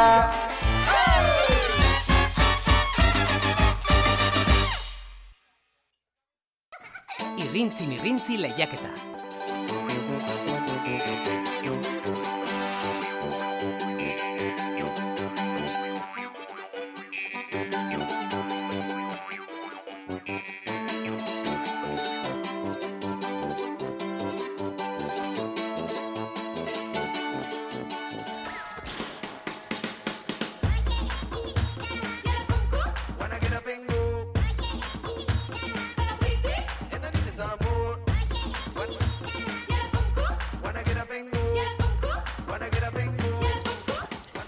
Arratxaldeon entzule oke hemen jarraitzen dugu irrintzi plazan eta aste azkenero bezala Bada, ba gure lehiaketaren tartea reyes irrintzi mirrintzi lehiaketa Bai, hementxe, hementxe gaude, ja dena prest. Gaur sari mordoa Ba, begira, esanen dizut. E, zehazki gaur zein izanen dugun banatzeko gure entzulen artean. Alde batetik erriziklorako, erriziklorako bizarrera. Baina datorren asteko emankizunerako izanen da. Ez e, gaurko emankizunerako hoiek ja banatu genituen joan den astean, bada gaur banatuko ditugunak izanen dira heldu den asteazkenean e, eginen den e, obrarako. E, bakizuen Nafarroko Antzerki Eskolan izanen da kasuretan apirilaren zeian, eta lehendakari gai izeneko Uh. lana. Iker Galartza eta zuaitz gurrutxagarekin. Mhm. Duela gutxi estrenatu duten lan puska. Funtzio txar, tzarra. Bai, izanen da irrizikloaren azkena, eta bueno, nik uste dute honekin jarri nahi izan diotela olako bukaera dotorea. Mm. Fuerte hasi ziren fuer- eta fuerte bai, amaitu. Hori da, hori da. Eta mm, oso ongi joan da, e, joaten ari da, Mhm. zikloa hola oroar, eta esan bezala, ba, heldu den asteazkeneko izanen da azkena. Bada, emankizun horretarako bi sarrera. Gero, ekomerkatua izanen da asteburu honetan eta eko, Mhm. ekomerkatuaren merchandisina. Mhm. E, sorta, produktu sorta izanen dugu ere bai hemen banatzeko. Eta beste sari bat, gaur hiru sari, Mhm. ba hauxe izanen da, bi pertsonantzako sarrerak, biatz rokodromorako, bakizue, Uh, uh, landaben industrialdean daude, eta ara joateko, ba sarrera bikoitz. Ze ongi, ze ongi, ze ongi, ze ongi. Ba, honekin ja, ez dakit, asteburu plan bikaina. Zer eginen dugu ja, zozketa, ja prestatu dituzu Prestatu zenbakiak, papertxoak eta, eta pila bat prestatu duzu. Mhm. Beraz, Bai. orain bakarrik falta zaizkiunak dira entzuleak, e, eta erantzunak, Mhm. bueno, eta galderak edo proposamenak, ezta? Hori da. Zer e, daukagu gaur? Kanta... Lau kanta, Kanta korrika erdi- kantak. Ah, korrika kanta erdi ezabatuak. Hori da, ezta? bai, amaiak prestatu ditu gaurkoan. Lapurtu Kosta egin ditu. zaio, Bai. ze letrak eh, ze hitzken du, bai. baina... Eta, eta hori, eh, amaiak lapurtu dizkie hitzak, beraz, eh, korrika kantuei, eta Mhm. orain gure entzulek eh, lagundu behar digute hitzoiek berreskuratzen. Ezta? da. Eta guk jarriko dugu, zuek asmatu ze falta den hor, eta gero guri deitu. E, kanta, lehenbiziko kanta jarriko dugu? Bai. Venga. Baktonalizazioa kultur globalizatua kontsumitu plastikoa janariaz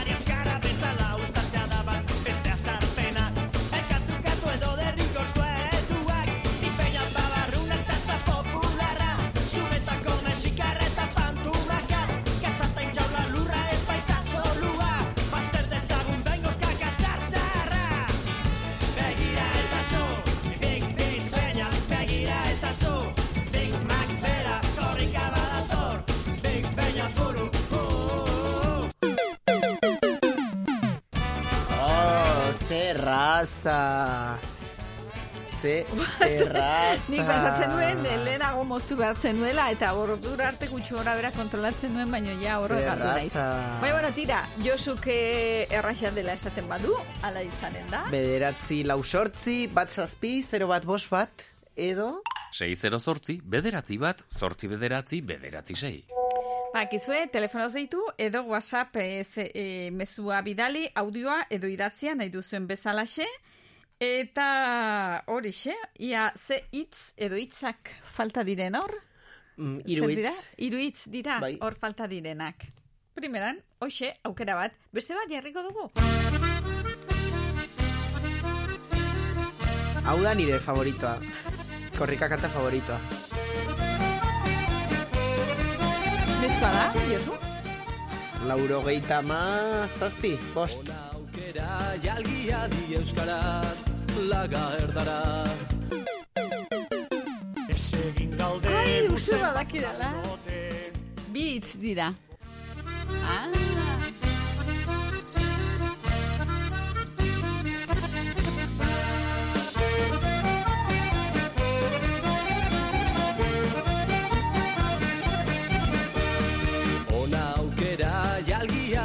Euskaraz laga erdara. Ez egin galde guzen bat lagunote irekin asko izan gaitezke. Notzu dira kantariak edo... Gatiguko Alex Sardui, bueno, garai horretan igual eskixu izango zen oraindik. Eta bestea, hau, hau ez, hau, Igual sorotan bele, Segit. Txirularekin eta... bizi ganoraz Bueno, bueno, hemen e, zuek esan behar diguztuena da, ze hitz falta diren hor tartetxo horretan. A ber, berriro lehenengoa, maia. Normalizazioa kultur globalizatua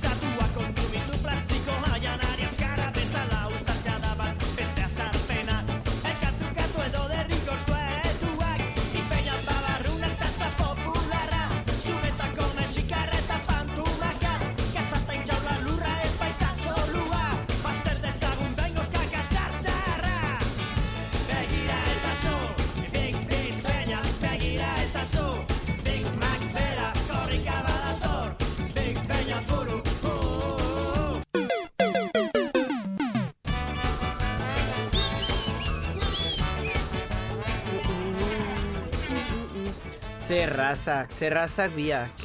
Hmm. Bederatzi lau sortzi bat zazpi, 0 bat bos bat, edo WhatsAppa maia? 6 zortzi, bederatzi bat, zortzi bederatzi, bederatzi sei. Beno, beno, beno, beno. Hau ze, ze urtetakoa da? Hau berandu xeago, hau izango da 2000 urtearen bueltan, 2000 2000 eta bat. Eta bat. Mhm.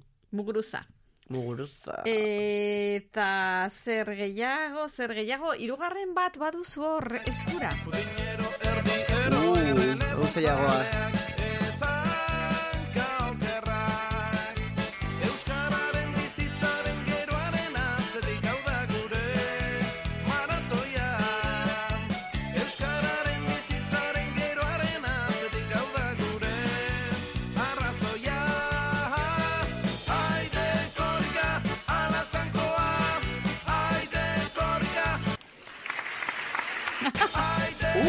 dakit zer falta den. Aide, korrika. Ez dakit zer falta den, honetan. Nik ere ez. Nik ere ez. Espero dezagun gure entzulegiak itea. Bederatzi lau sortzi bat zazpi zero bat bos bat, edo 6 whatsappez. zortzi, bederatzi bat, zortzi bederatzi, bederatzi sei. Primeran, eh, ba, deitzen diguzuen, ar, diguzuen on artean, hiru sari zozkatuko ditugu. Biatz rokodromoarako sarrera bikoitza, irrizikloko azken emanaldirako lehendakari gai izeneko antzeslanerako sarrera bikoitza, eta mer, eko merkatuaren eh, produktu sorta. Ui, ui, ui, ui, ze ongi, ze ongi. Hoixe? Baina ber, lehenengo biak oso errazak dira. Hau, kanta bera ere pixkat ez ezagunagoa da, igual. Bai, tapia ez? Eta, bai.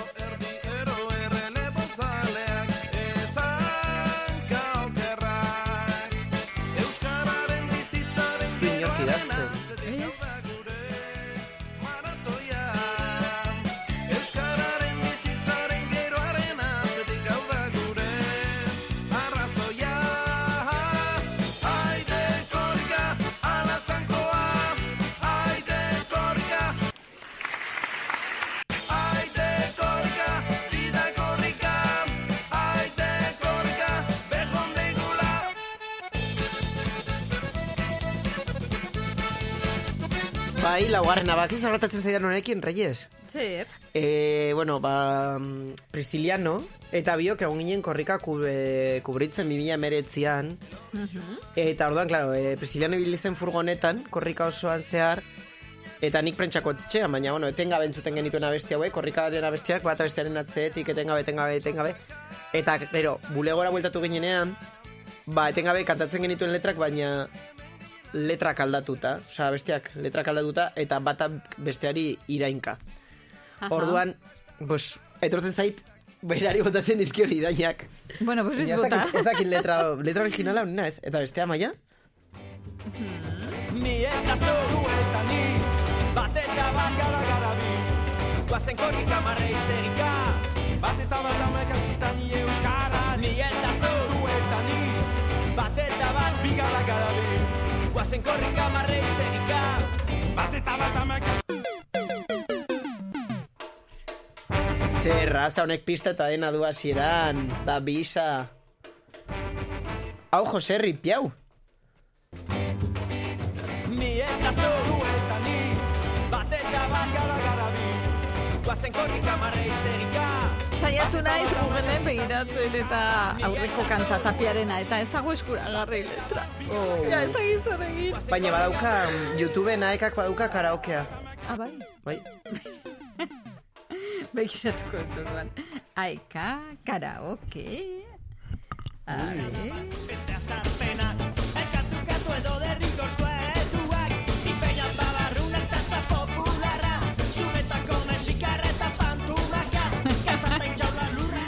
Bera, gertzen zaita aeka, baino, baina marka bezala.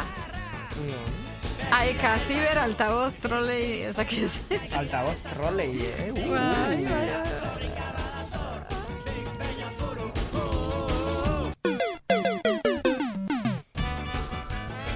Ze urtekoa da tapiarena?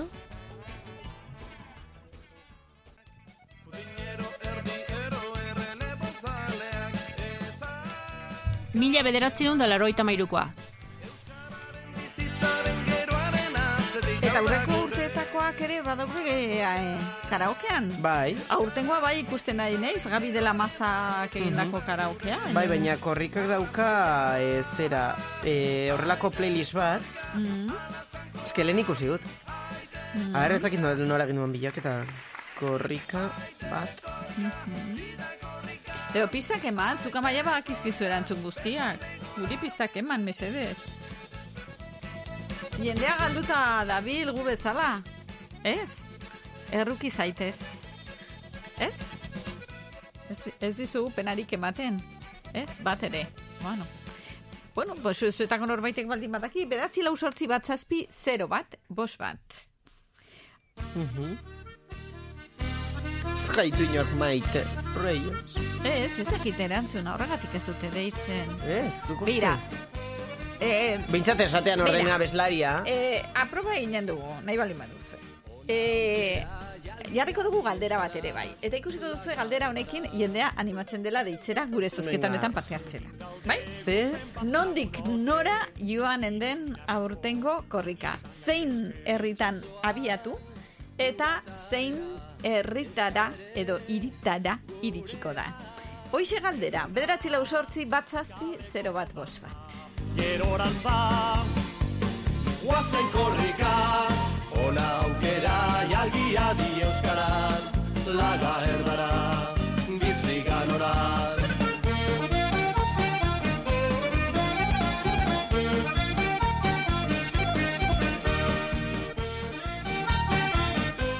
gaituzte maite esan dut. Mhm. Baiet. Nola ez, ba. Venga, este galdera bat. Noiz pasako da korrika iruñerritik? Mesedez, Hau beratzi. ere lehiaketarako da, eh? Bai, bai, bai, bederatzi lau sortzi bat zazpi, zero bat, bos bat. Hori bez badi- baldin bakizue, vamos, kentzen dizuete iruindar titulu eta guzti. 6 zortzi, bederatzi bat, zortzi bederatzi, bederatzi sei. Beste bat, beste bat, beste galdera Beste bat, bat. eh, zenbat garren korrika da. Beste bat, beste bat, e, hitzekin, aurtengo kanta nork egin du? Oinetakoak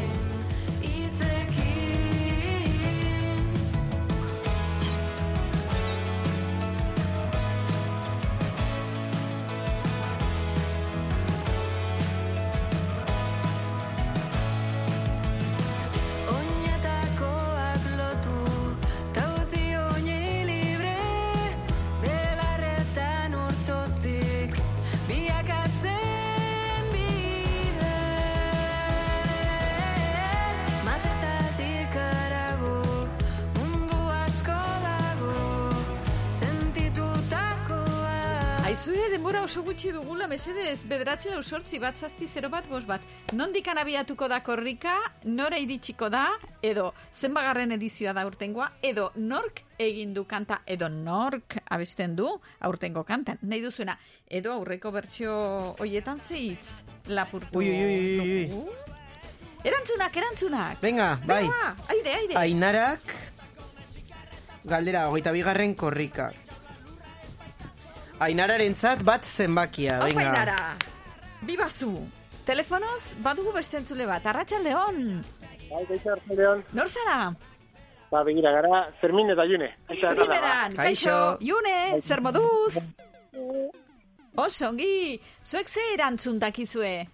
A ber, June, zuk dakizu erantzun bat. Zein da lehenengoa? Zein da? Ba, Nondik, nondik abiatzen da korrikea. Nondik? Jotik, Nondik? Nondik? amurriotik, Amurriotik, eta nora iritsiko da? donostira. Oso, ongi June! Zu txapeldun, eta zuk korrika egin behar duzu korrikan? Bai, Bai! Oso, ongi! Larun batean? Larun bagoizean? eh, bai, Oso, ongi, Mhm. gu, guk ere bai hemen irratiarekin. Guk lekuko beharrean eramanen dugu mikrofono bat. Ongi iruditzen zaizu? Ikusten bagaituzu agurtu, eh? Noski! June, zuentzat bigarren zenbakia. Ados? Eskerrik asko. bai. Eskerrik asko! Agur, agur!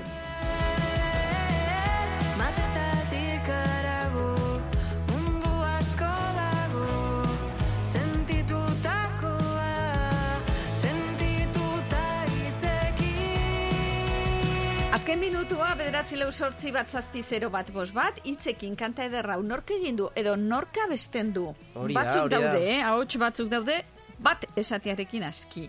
Edo ta, eh, Nork idatzi du, edo eta gure Bai, kantaren bai. bat ezagutzen baduzu, Hori adibidez hau.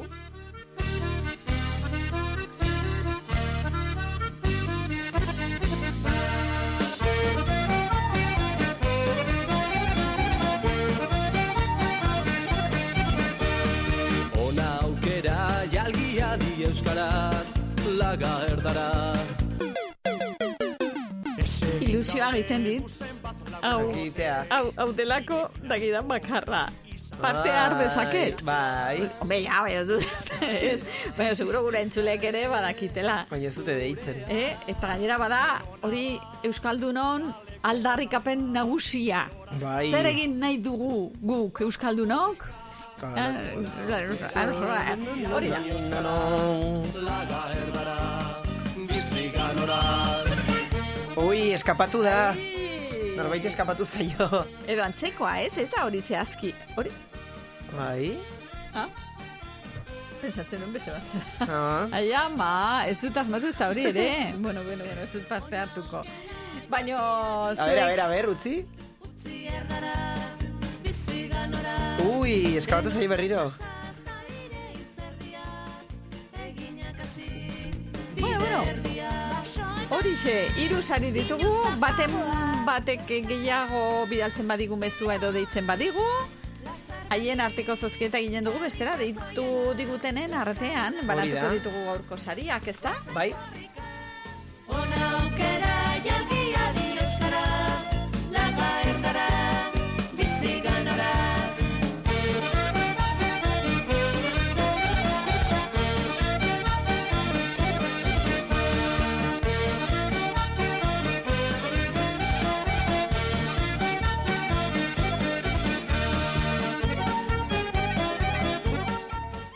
Beno, azken bi minutuak utziko ditugu kanta amaitu arte, e, amaia ongi ditzen bazaizu. Eta, beno, e asmatzen duzuen e, kanta honetan zer, zer falta den. A ber.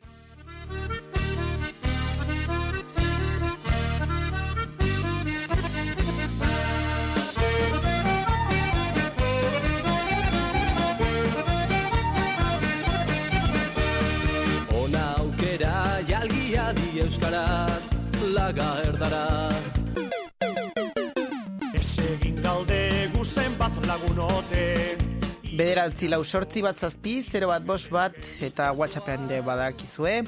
Beraz, e, beno, e, azkeneko minutua, eta zozketan ditugu bihatz rokodramorako sarrera, Nafarroako Antzerki Eskolan e, irrizikloa lehendakari gaia, heldu den astean izango da, apirilaren seian, okerez bagaude, eta e, komerkatuaren merchandising sorta.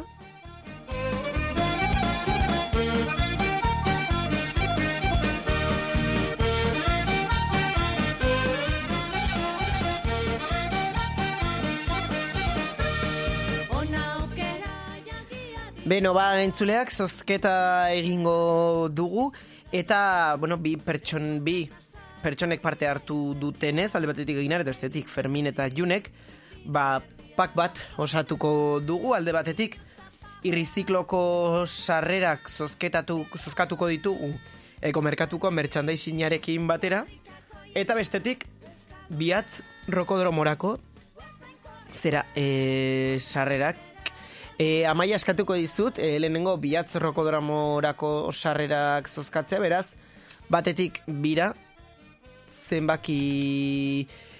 Ah, bueno, batetik bira, ez, ez, ez, ez, ez. al revés, egingo dugu, e, ni daukat, alde batean rokodromoa, eta bestean, e, zera, e, ekomerkatu eta irrizikloa.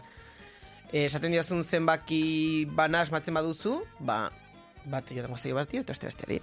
Venga. Ba, osongi, bia. Bia, ba, e, biatz rokodromora joango dira Fermin eta June. E, de telefono zaitu dute, beraz, orain deituko zaituztegu, Fermin eta June. Azaltzeko nola, bueno, zuen datuak beharko ditugulako.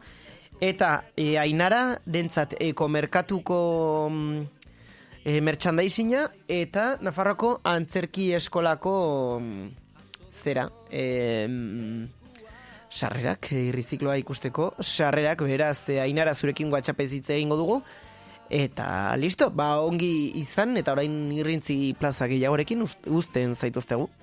Etxe autosaltokia edo zein da egokia. Sintonizatu ta dientzun Euskal Herria Euskal Herria irratia. Jantzisa zugona Tantzuna izia gorazpin dihona Jantzisa zugona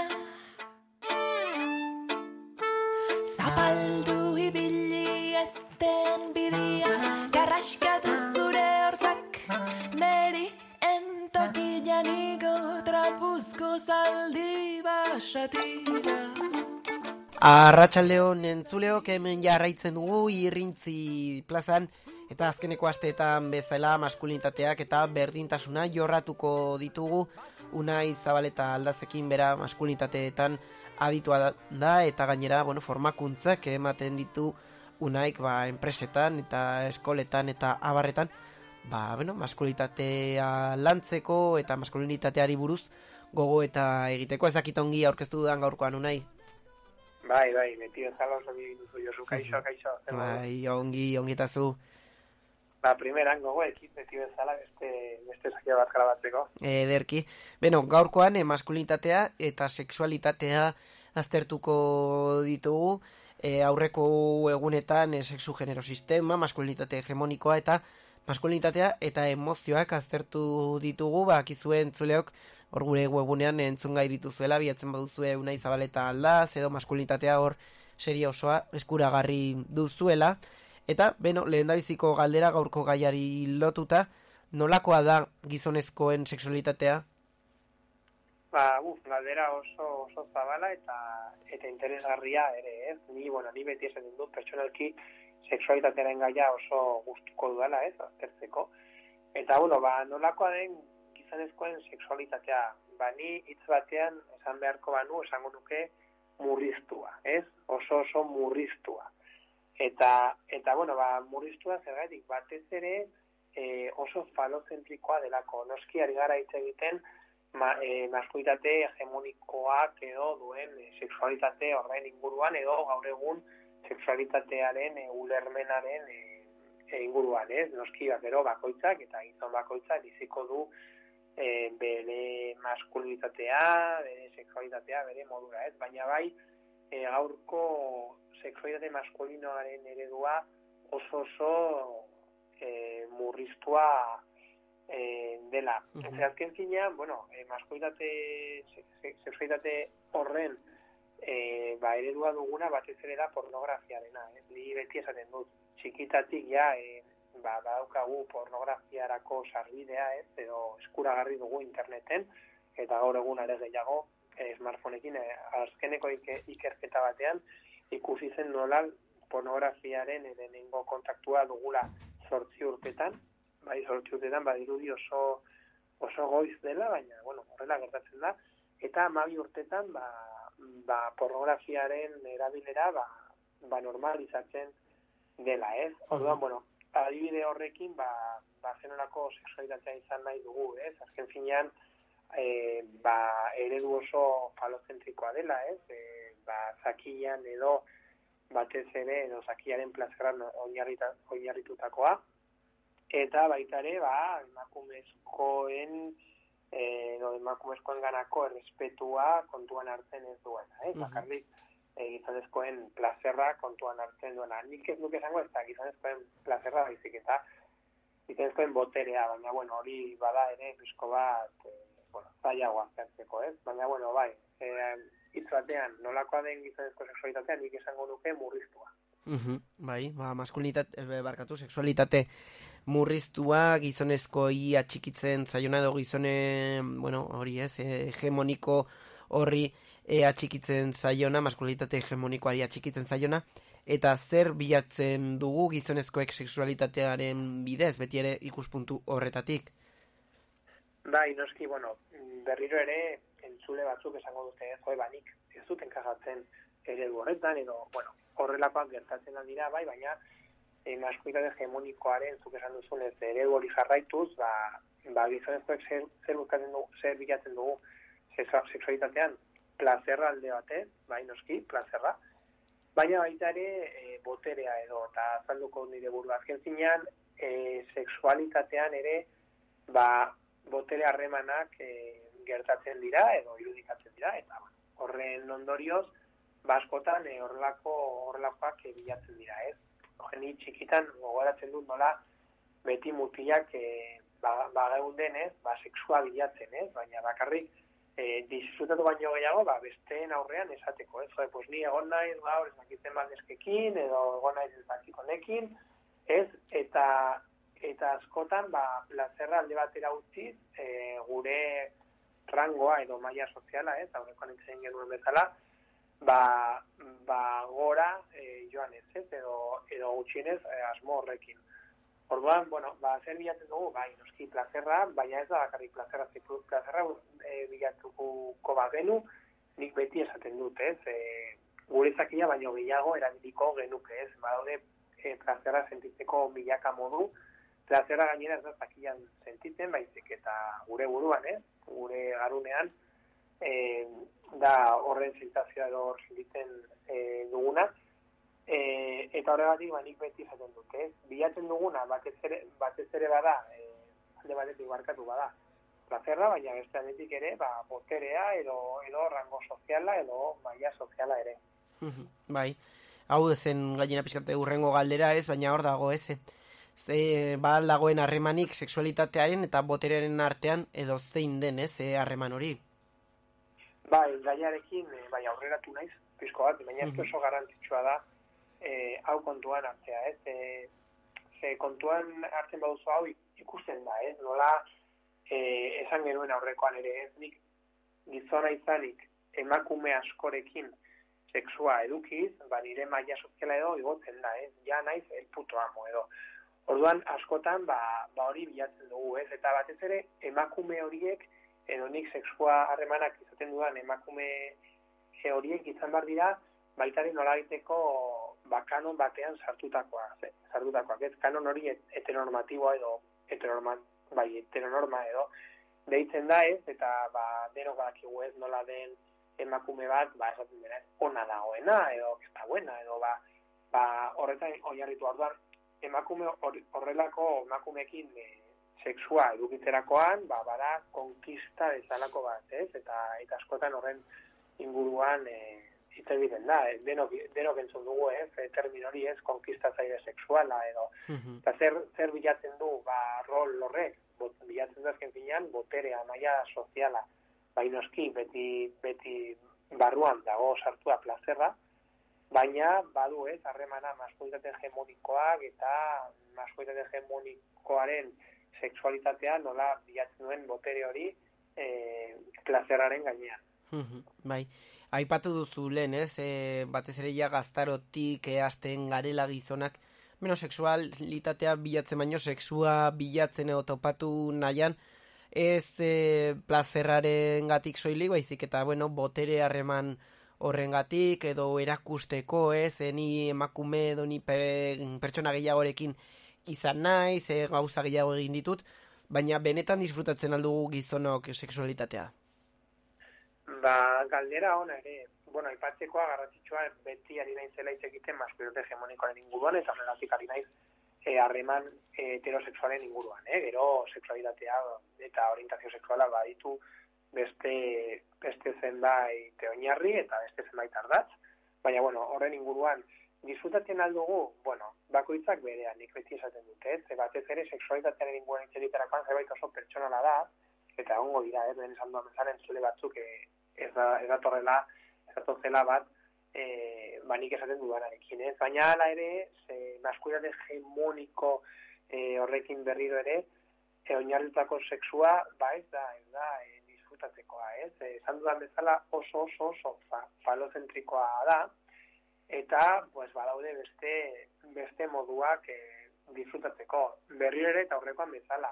Adibide pertsonera joatean, enik beti esaten dut, ez? Jo, nire laguna, lagun artean, ez? Hitz egiterakoan honen inguruan beti esaten dut, jo, ba, eske frogatu behar duzu, ez? Ba, estimulatzea, ez dakit, pezoiak edo ipurdia edo.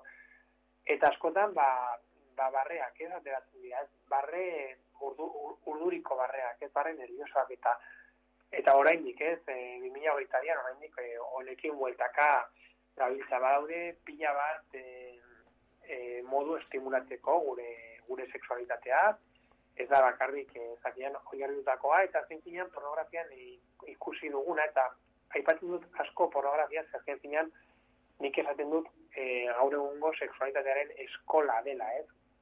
Ze eskolan bertan edo familia artean edo e, ni gutxienez eta nire lagunak ere ez, ez dute ez dugu izan e, nolabaiteko ba, ikasketarik ez? Edo e, e, sexualitatearen inguruan izan da batez ere pornografia eta pornografia horretan ba ikusten da ez nolakoa da sexualitatea e, bada zakilaren estimulazioa orgasmora iristeko eta listo orduan. Gizonezkoek disfrutatzen aldugu e, sexualitatea? E, bai noski. E, alare disfrutatu algenuke, ez, e, asko zere gehiago maskualitate hegemoniko edo horrek proposatzen duen sexualitate horretaz baztertuz, ba bai noski, noski disfrutatzen aldugula asko zere gehiago bai. Bai. Eta azken aldera bat, azken gogoeta bat, unai, zer norlako harremanak izan al ditugu edo iz, e, ze aukera ditugu honen barruan? Ba, beno, ba, nik e, uste dut, e, ba, sexualitate asko zere anitzagoa izaten ahal dugula, ez? Lehen, e, gizonezko sexualitatea deskibatzean esan dut ez, murriztua. Ba, ba hortatik ez, e, hortatik e, horrez aparte, ba, badugu beste, beste moduak ez, e, sexualitatea ba, disfrutatzeko. Nik beti esaten dut, bakoitzaren e, esplorazio pertsonala, baitare bikotearekin edo edo beste pertsona gehiagorekin, ez?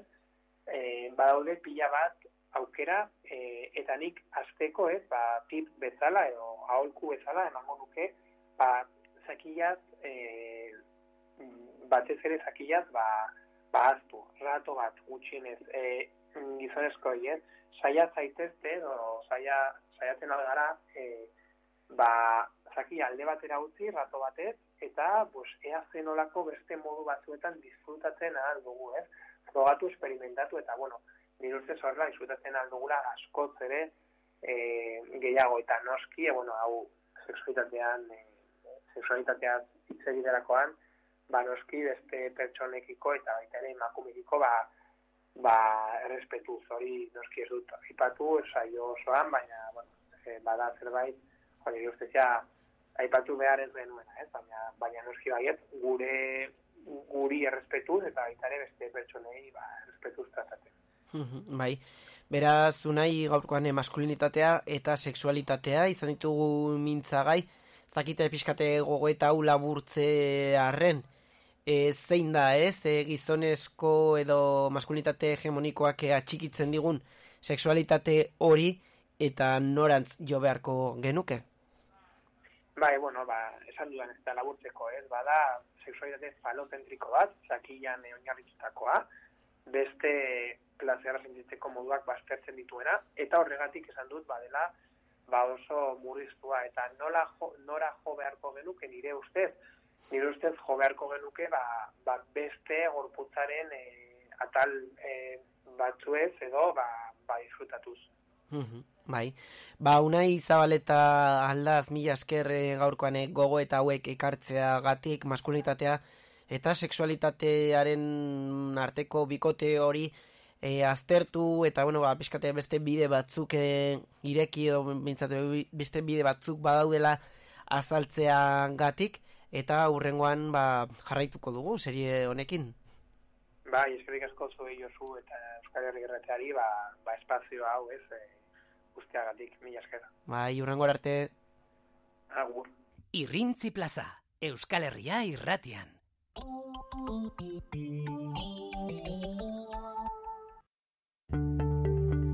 Nola bizi dira gazteak euskaraz, ze erronka ditu euskarak. Ametsaranguren ibilbedi musika taldeko abeslaria Begoña Garaiko etxea gaztealdiko partaidea maitane jungitu geimerra eta unai dufur osasuna futbol taldeko jokalaria elkartuko ditugu galdera horiei erantzuteko. Berrogeita mar urte aurrerago, euskaraz bizitzeko autua solasaldia, martxoaren hogeita maikan arratsaldeko seiterdietan, iruñeko katakrak liburu dendan, zatoz. Eluiar berrogeita mar urte aurrerago.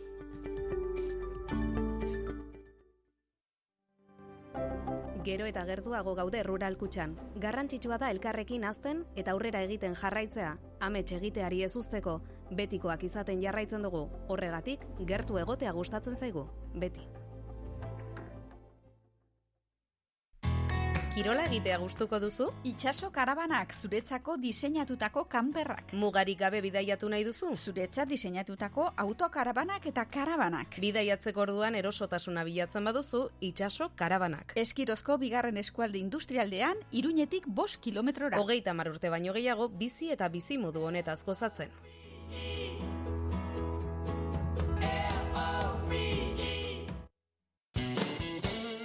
Zure enpresa digitalki eraldatu behar baduzu telelanera edo lau puntu zero industriara egokitzeko Javiserren lagundu zaitzakego.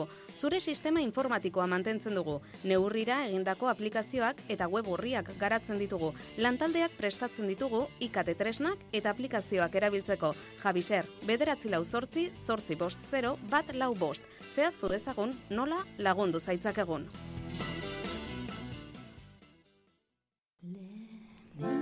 Karrikirik hogeita bost urte, maiatzak amar aste artea arratzaldeko zazpietan laban, olatu arteko txalupa arraroa ikuskizun musikatua eta poesia rezitaldia Ines Osinaga musikariarekin eta Joseba Sarreonandia idazlearekin. Sarrerak amar euroan salgai karrikirin agendari buruzko informazio guztia karrikiri.eu satarian. Laba, Iruñeko Udala, Nafarrako Gobernua eta Eusko Jaurlaritzaren laguntzarekin karrikiri, Iruñeko Euskaldunon topagunea, Xabier Karrika lau.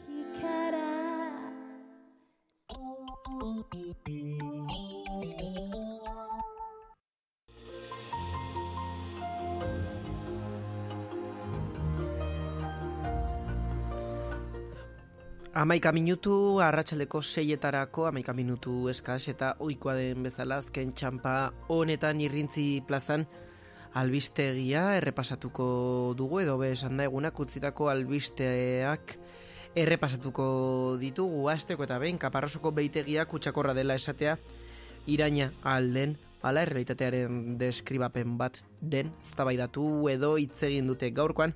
Ustiategian obrak ilegalak ala kanpoko jarduera egiten diren salatzeko modukoa den ere horretaz mintzatu dira. Bada epaile batek ebatzi beharko du auzi hori. Izan ere gaur goizean justizia jauregira deituta ziren kaparrosoko beitegiaren gaineko txosten teknikoa egin eta sinatu zuten amalau talde eta eragile ekologista eta sozial. Baile de Dieta enpresak salatu zituen txosten honetan esaten zituztenen gatik. Epaiketa aurreko prozedura zuten gaur, adizkidetze saioan non esandakoak erretiratzea eskatu dieten. Saioaren aurretik elkarretaratzea egin dute eragile hauetako kideek eta haiekin solasteko aukera ere izan dute goizean albistegi eta metropoli foralean. Honako hau da Greenpeaceko arduraduna den Lorea Floresekin izandako elkarrizketatxoaren tartetxo bat hasiera epaitegitako atean bertan. Bueno, kontua da joan den urtean e, iraia aldera hainbat eragilek aurkeztu genuela txosten bat e, Nafarroako parlamentuan, txosten honek bazitxun hainbertze dokumentu ofizial edo datu ofizialetan oinarritutako datuak, ba, kaparrosoko makro ustiategiak sortzen ari zen egoraren inguruan, e, ba, dituen zigor espedienteak, sortutako urkutsaduraren inguruan eta bar, Eta txosten hon hau oinarri hartuta, e, ba, enpresak errandu ba, irainak eta kalumniak egin ditugula, eta horregatik ba, ekitaldi honetara deitu, deitu dugu. Esandakoa atzera botatzea eskatzen Hor, duen hor Lorea Flores, eh, gero Aritz Pascual lankidea entzun dugu, esten galdera emat egiteko prest. Eta beno, ba, salatutako amalau eragile eta taldeek herritarren babesa jasotzeaz gain, Lab eta Ela sindikatuetako kideen babesa, Euskal Herria Bildu eta Podemos salduko parlamentarien babesa izan dute ere, eta haien artean bai Manol Karri gainek izabaleta Adolfo Arez, eta Begoña Alfaro ikusi ahal izan ditugu.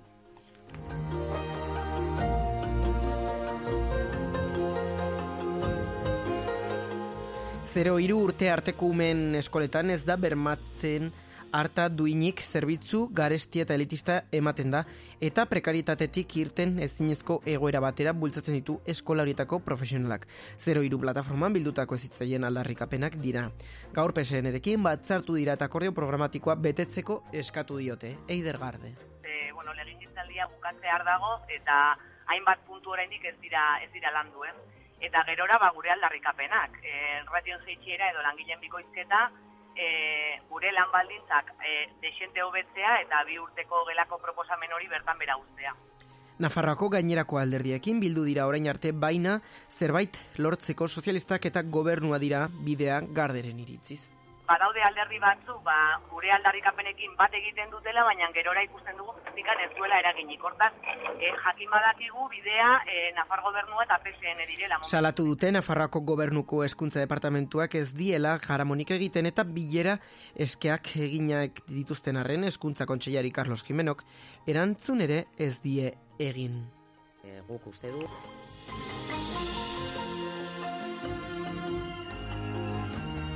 Eta horren zuten genuena bakartxo ruizen, izan ere urrengo gaiareri, e, politikari, helduko diegu urrengo albisteetan.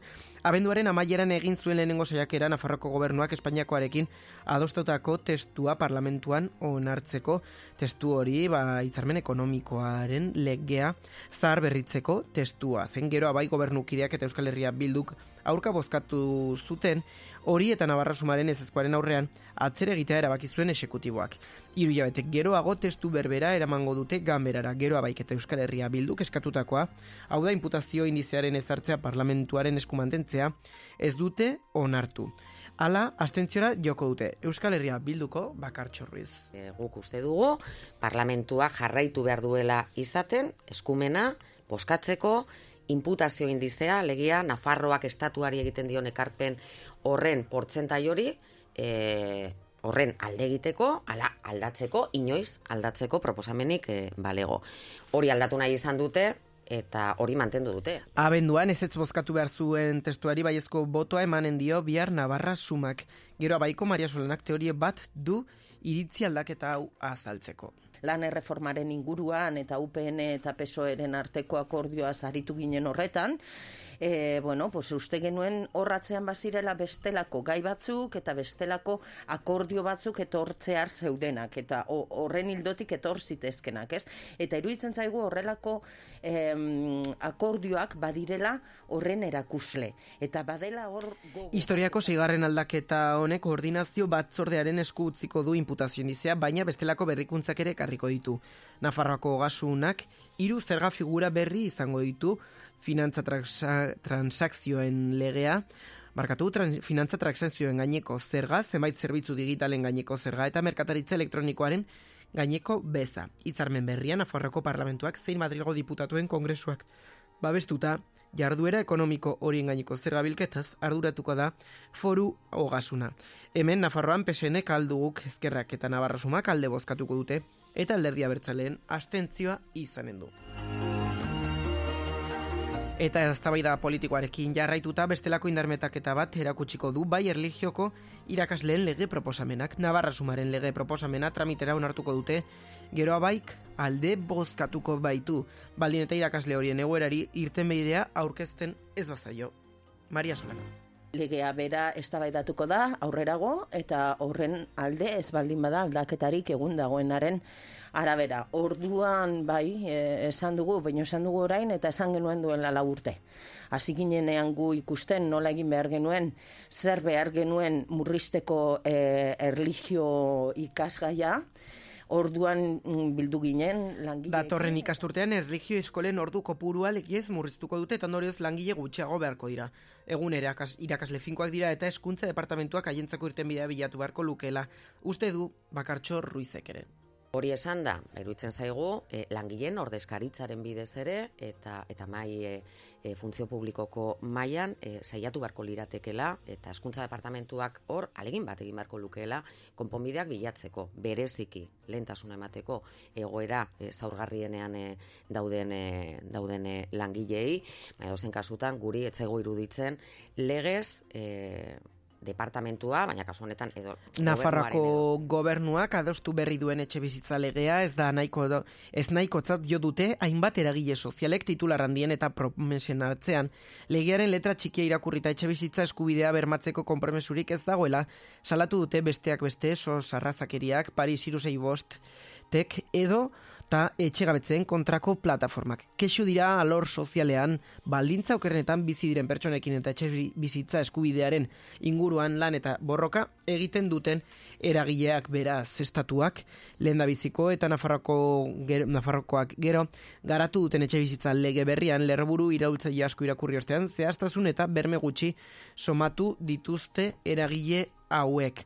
Babesturiko etxe bizitzen jabetza, funts putren esku geratzeko neurririk ez dela, hartzen salatu zuen Paris irusei bostekimeneko Mikel Urabaienek. Epe faltsu eta mugagabe hori, epe laburreko a, adabaki bat da. Luzaroan familia asko kalean utziko lituzkena. Azken urteotan, arrotxapean, berriozarren, sarrigurenen, sanduzelaien edo buztintxurin gertatu den bezalaxe. Eraikuntza enpresak familia horien kontratua aberasten jarraituko dira, hogeita bat urtez etxe bizitzaren errenta kobratzeari eta etxe bizitza horiek eraikitzeko laguntza publikoei esker. Eta honekin guztiarekin agur esango dizuegu bihar arte e, hiru lau proposamen ditugu gaur arratsalderako hiru ordu berean dira arratsaldeko zazpietan Nafarroko Antzerki Eskolan eta kitxorik ez antzezlana eskainiko dute lesbobe bobe taldearen eskutik. Humorezko e, antzezlana da. Arratsaldeko zazpietan ere, baina katakraken Pirinioetako bidea itzaldia Malu Urralbaretzen eskutik. Eta arratsaldeko zazpietan laba gunean air- aurretik aipatu dugun barrenetik zulatzen zaitut sortzi ahots itxasertzetik liburuaren aurkezpena Libero Amerikan argitaletxearen eskutik. Eta amaitzeko eguna ongi amaitzeko arratsaldeko sortzi terdietan Carmen Kaleko herriko tabernan sutagar taldea akustikoan honekin guztiarekin eta arratsaldeko seietarako segundu batzuk falta direlarik agur eta bihar arte esaten dizuegu entzuleok.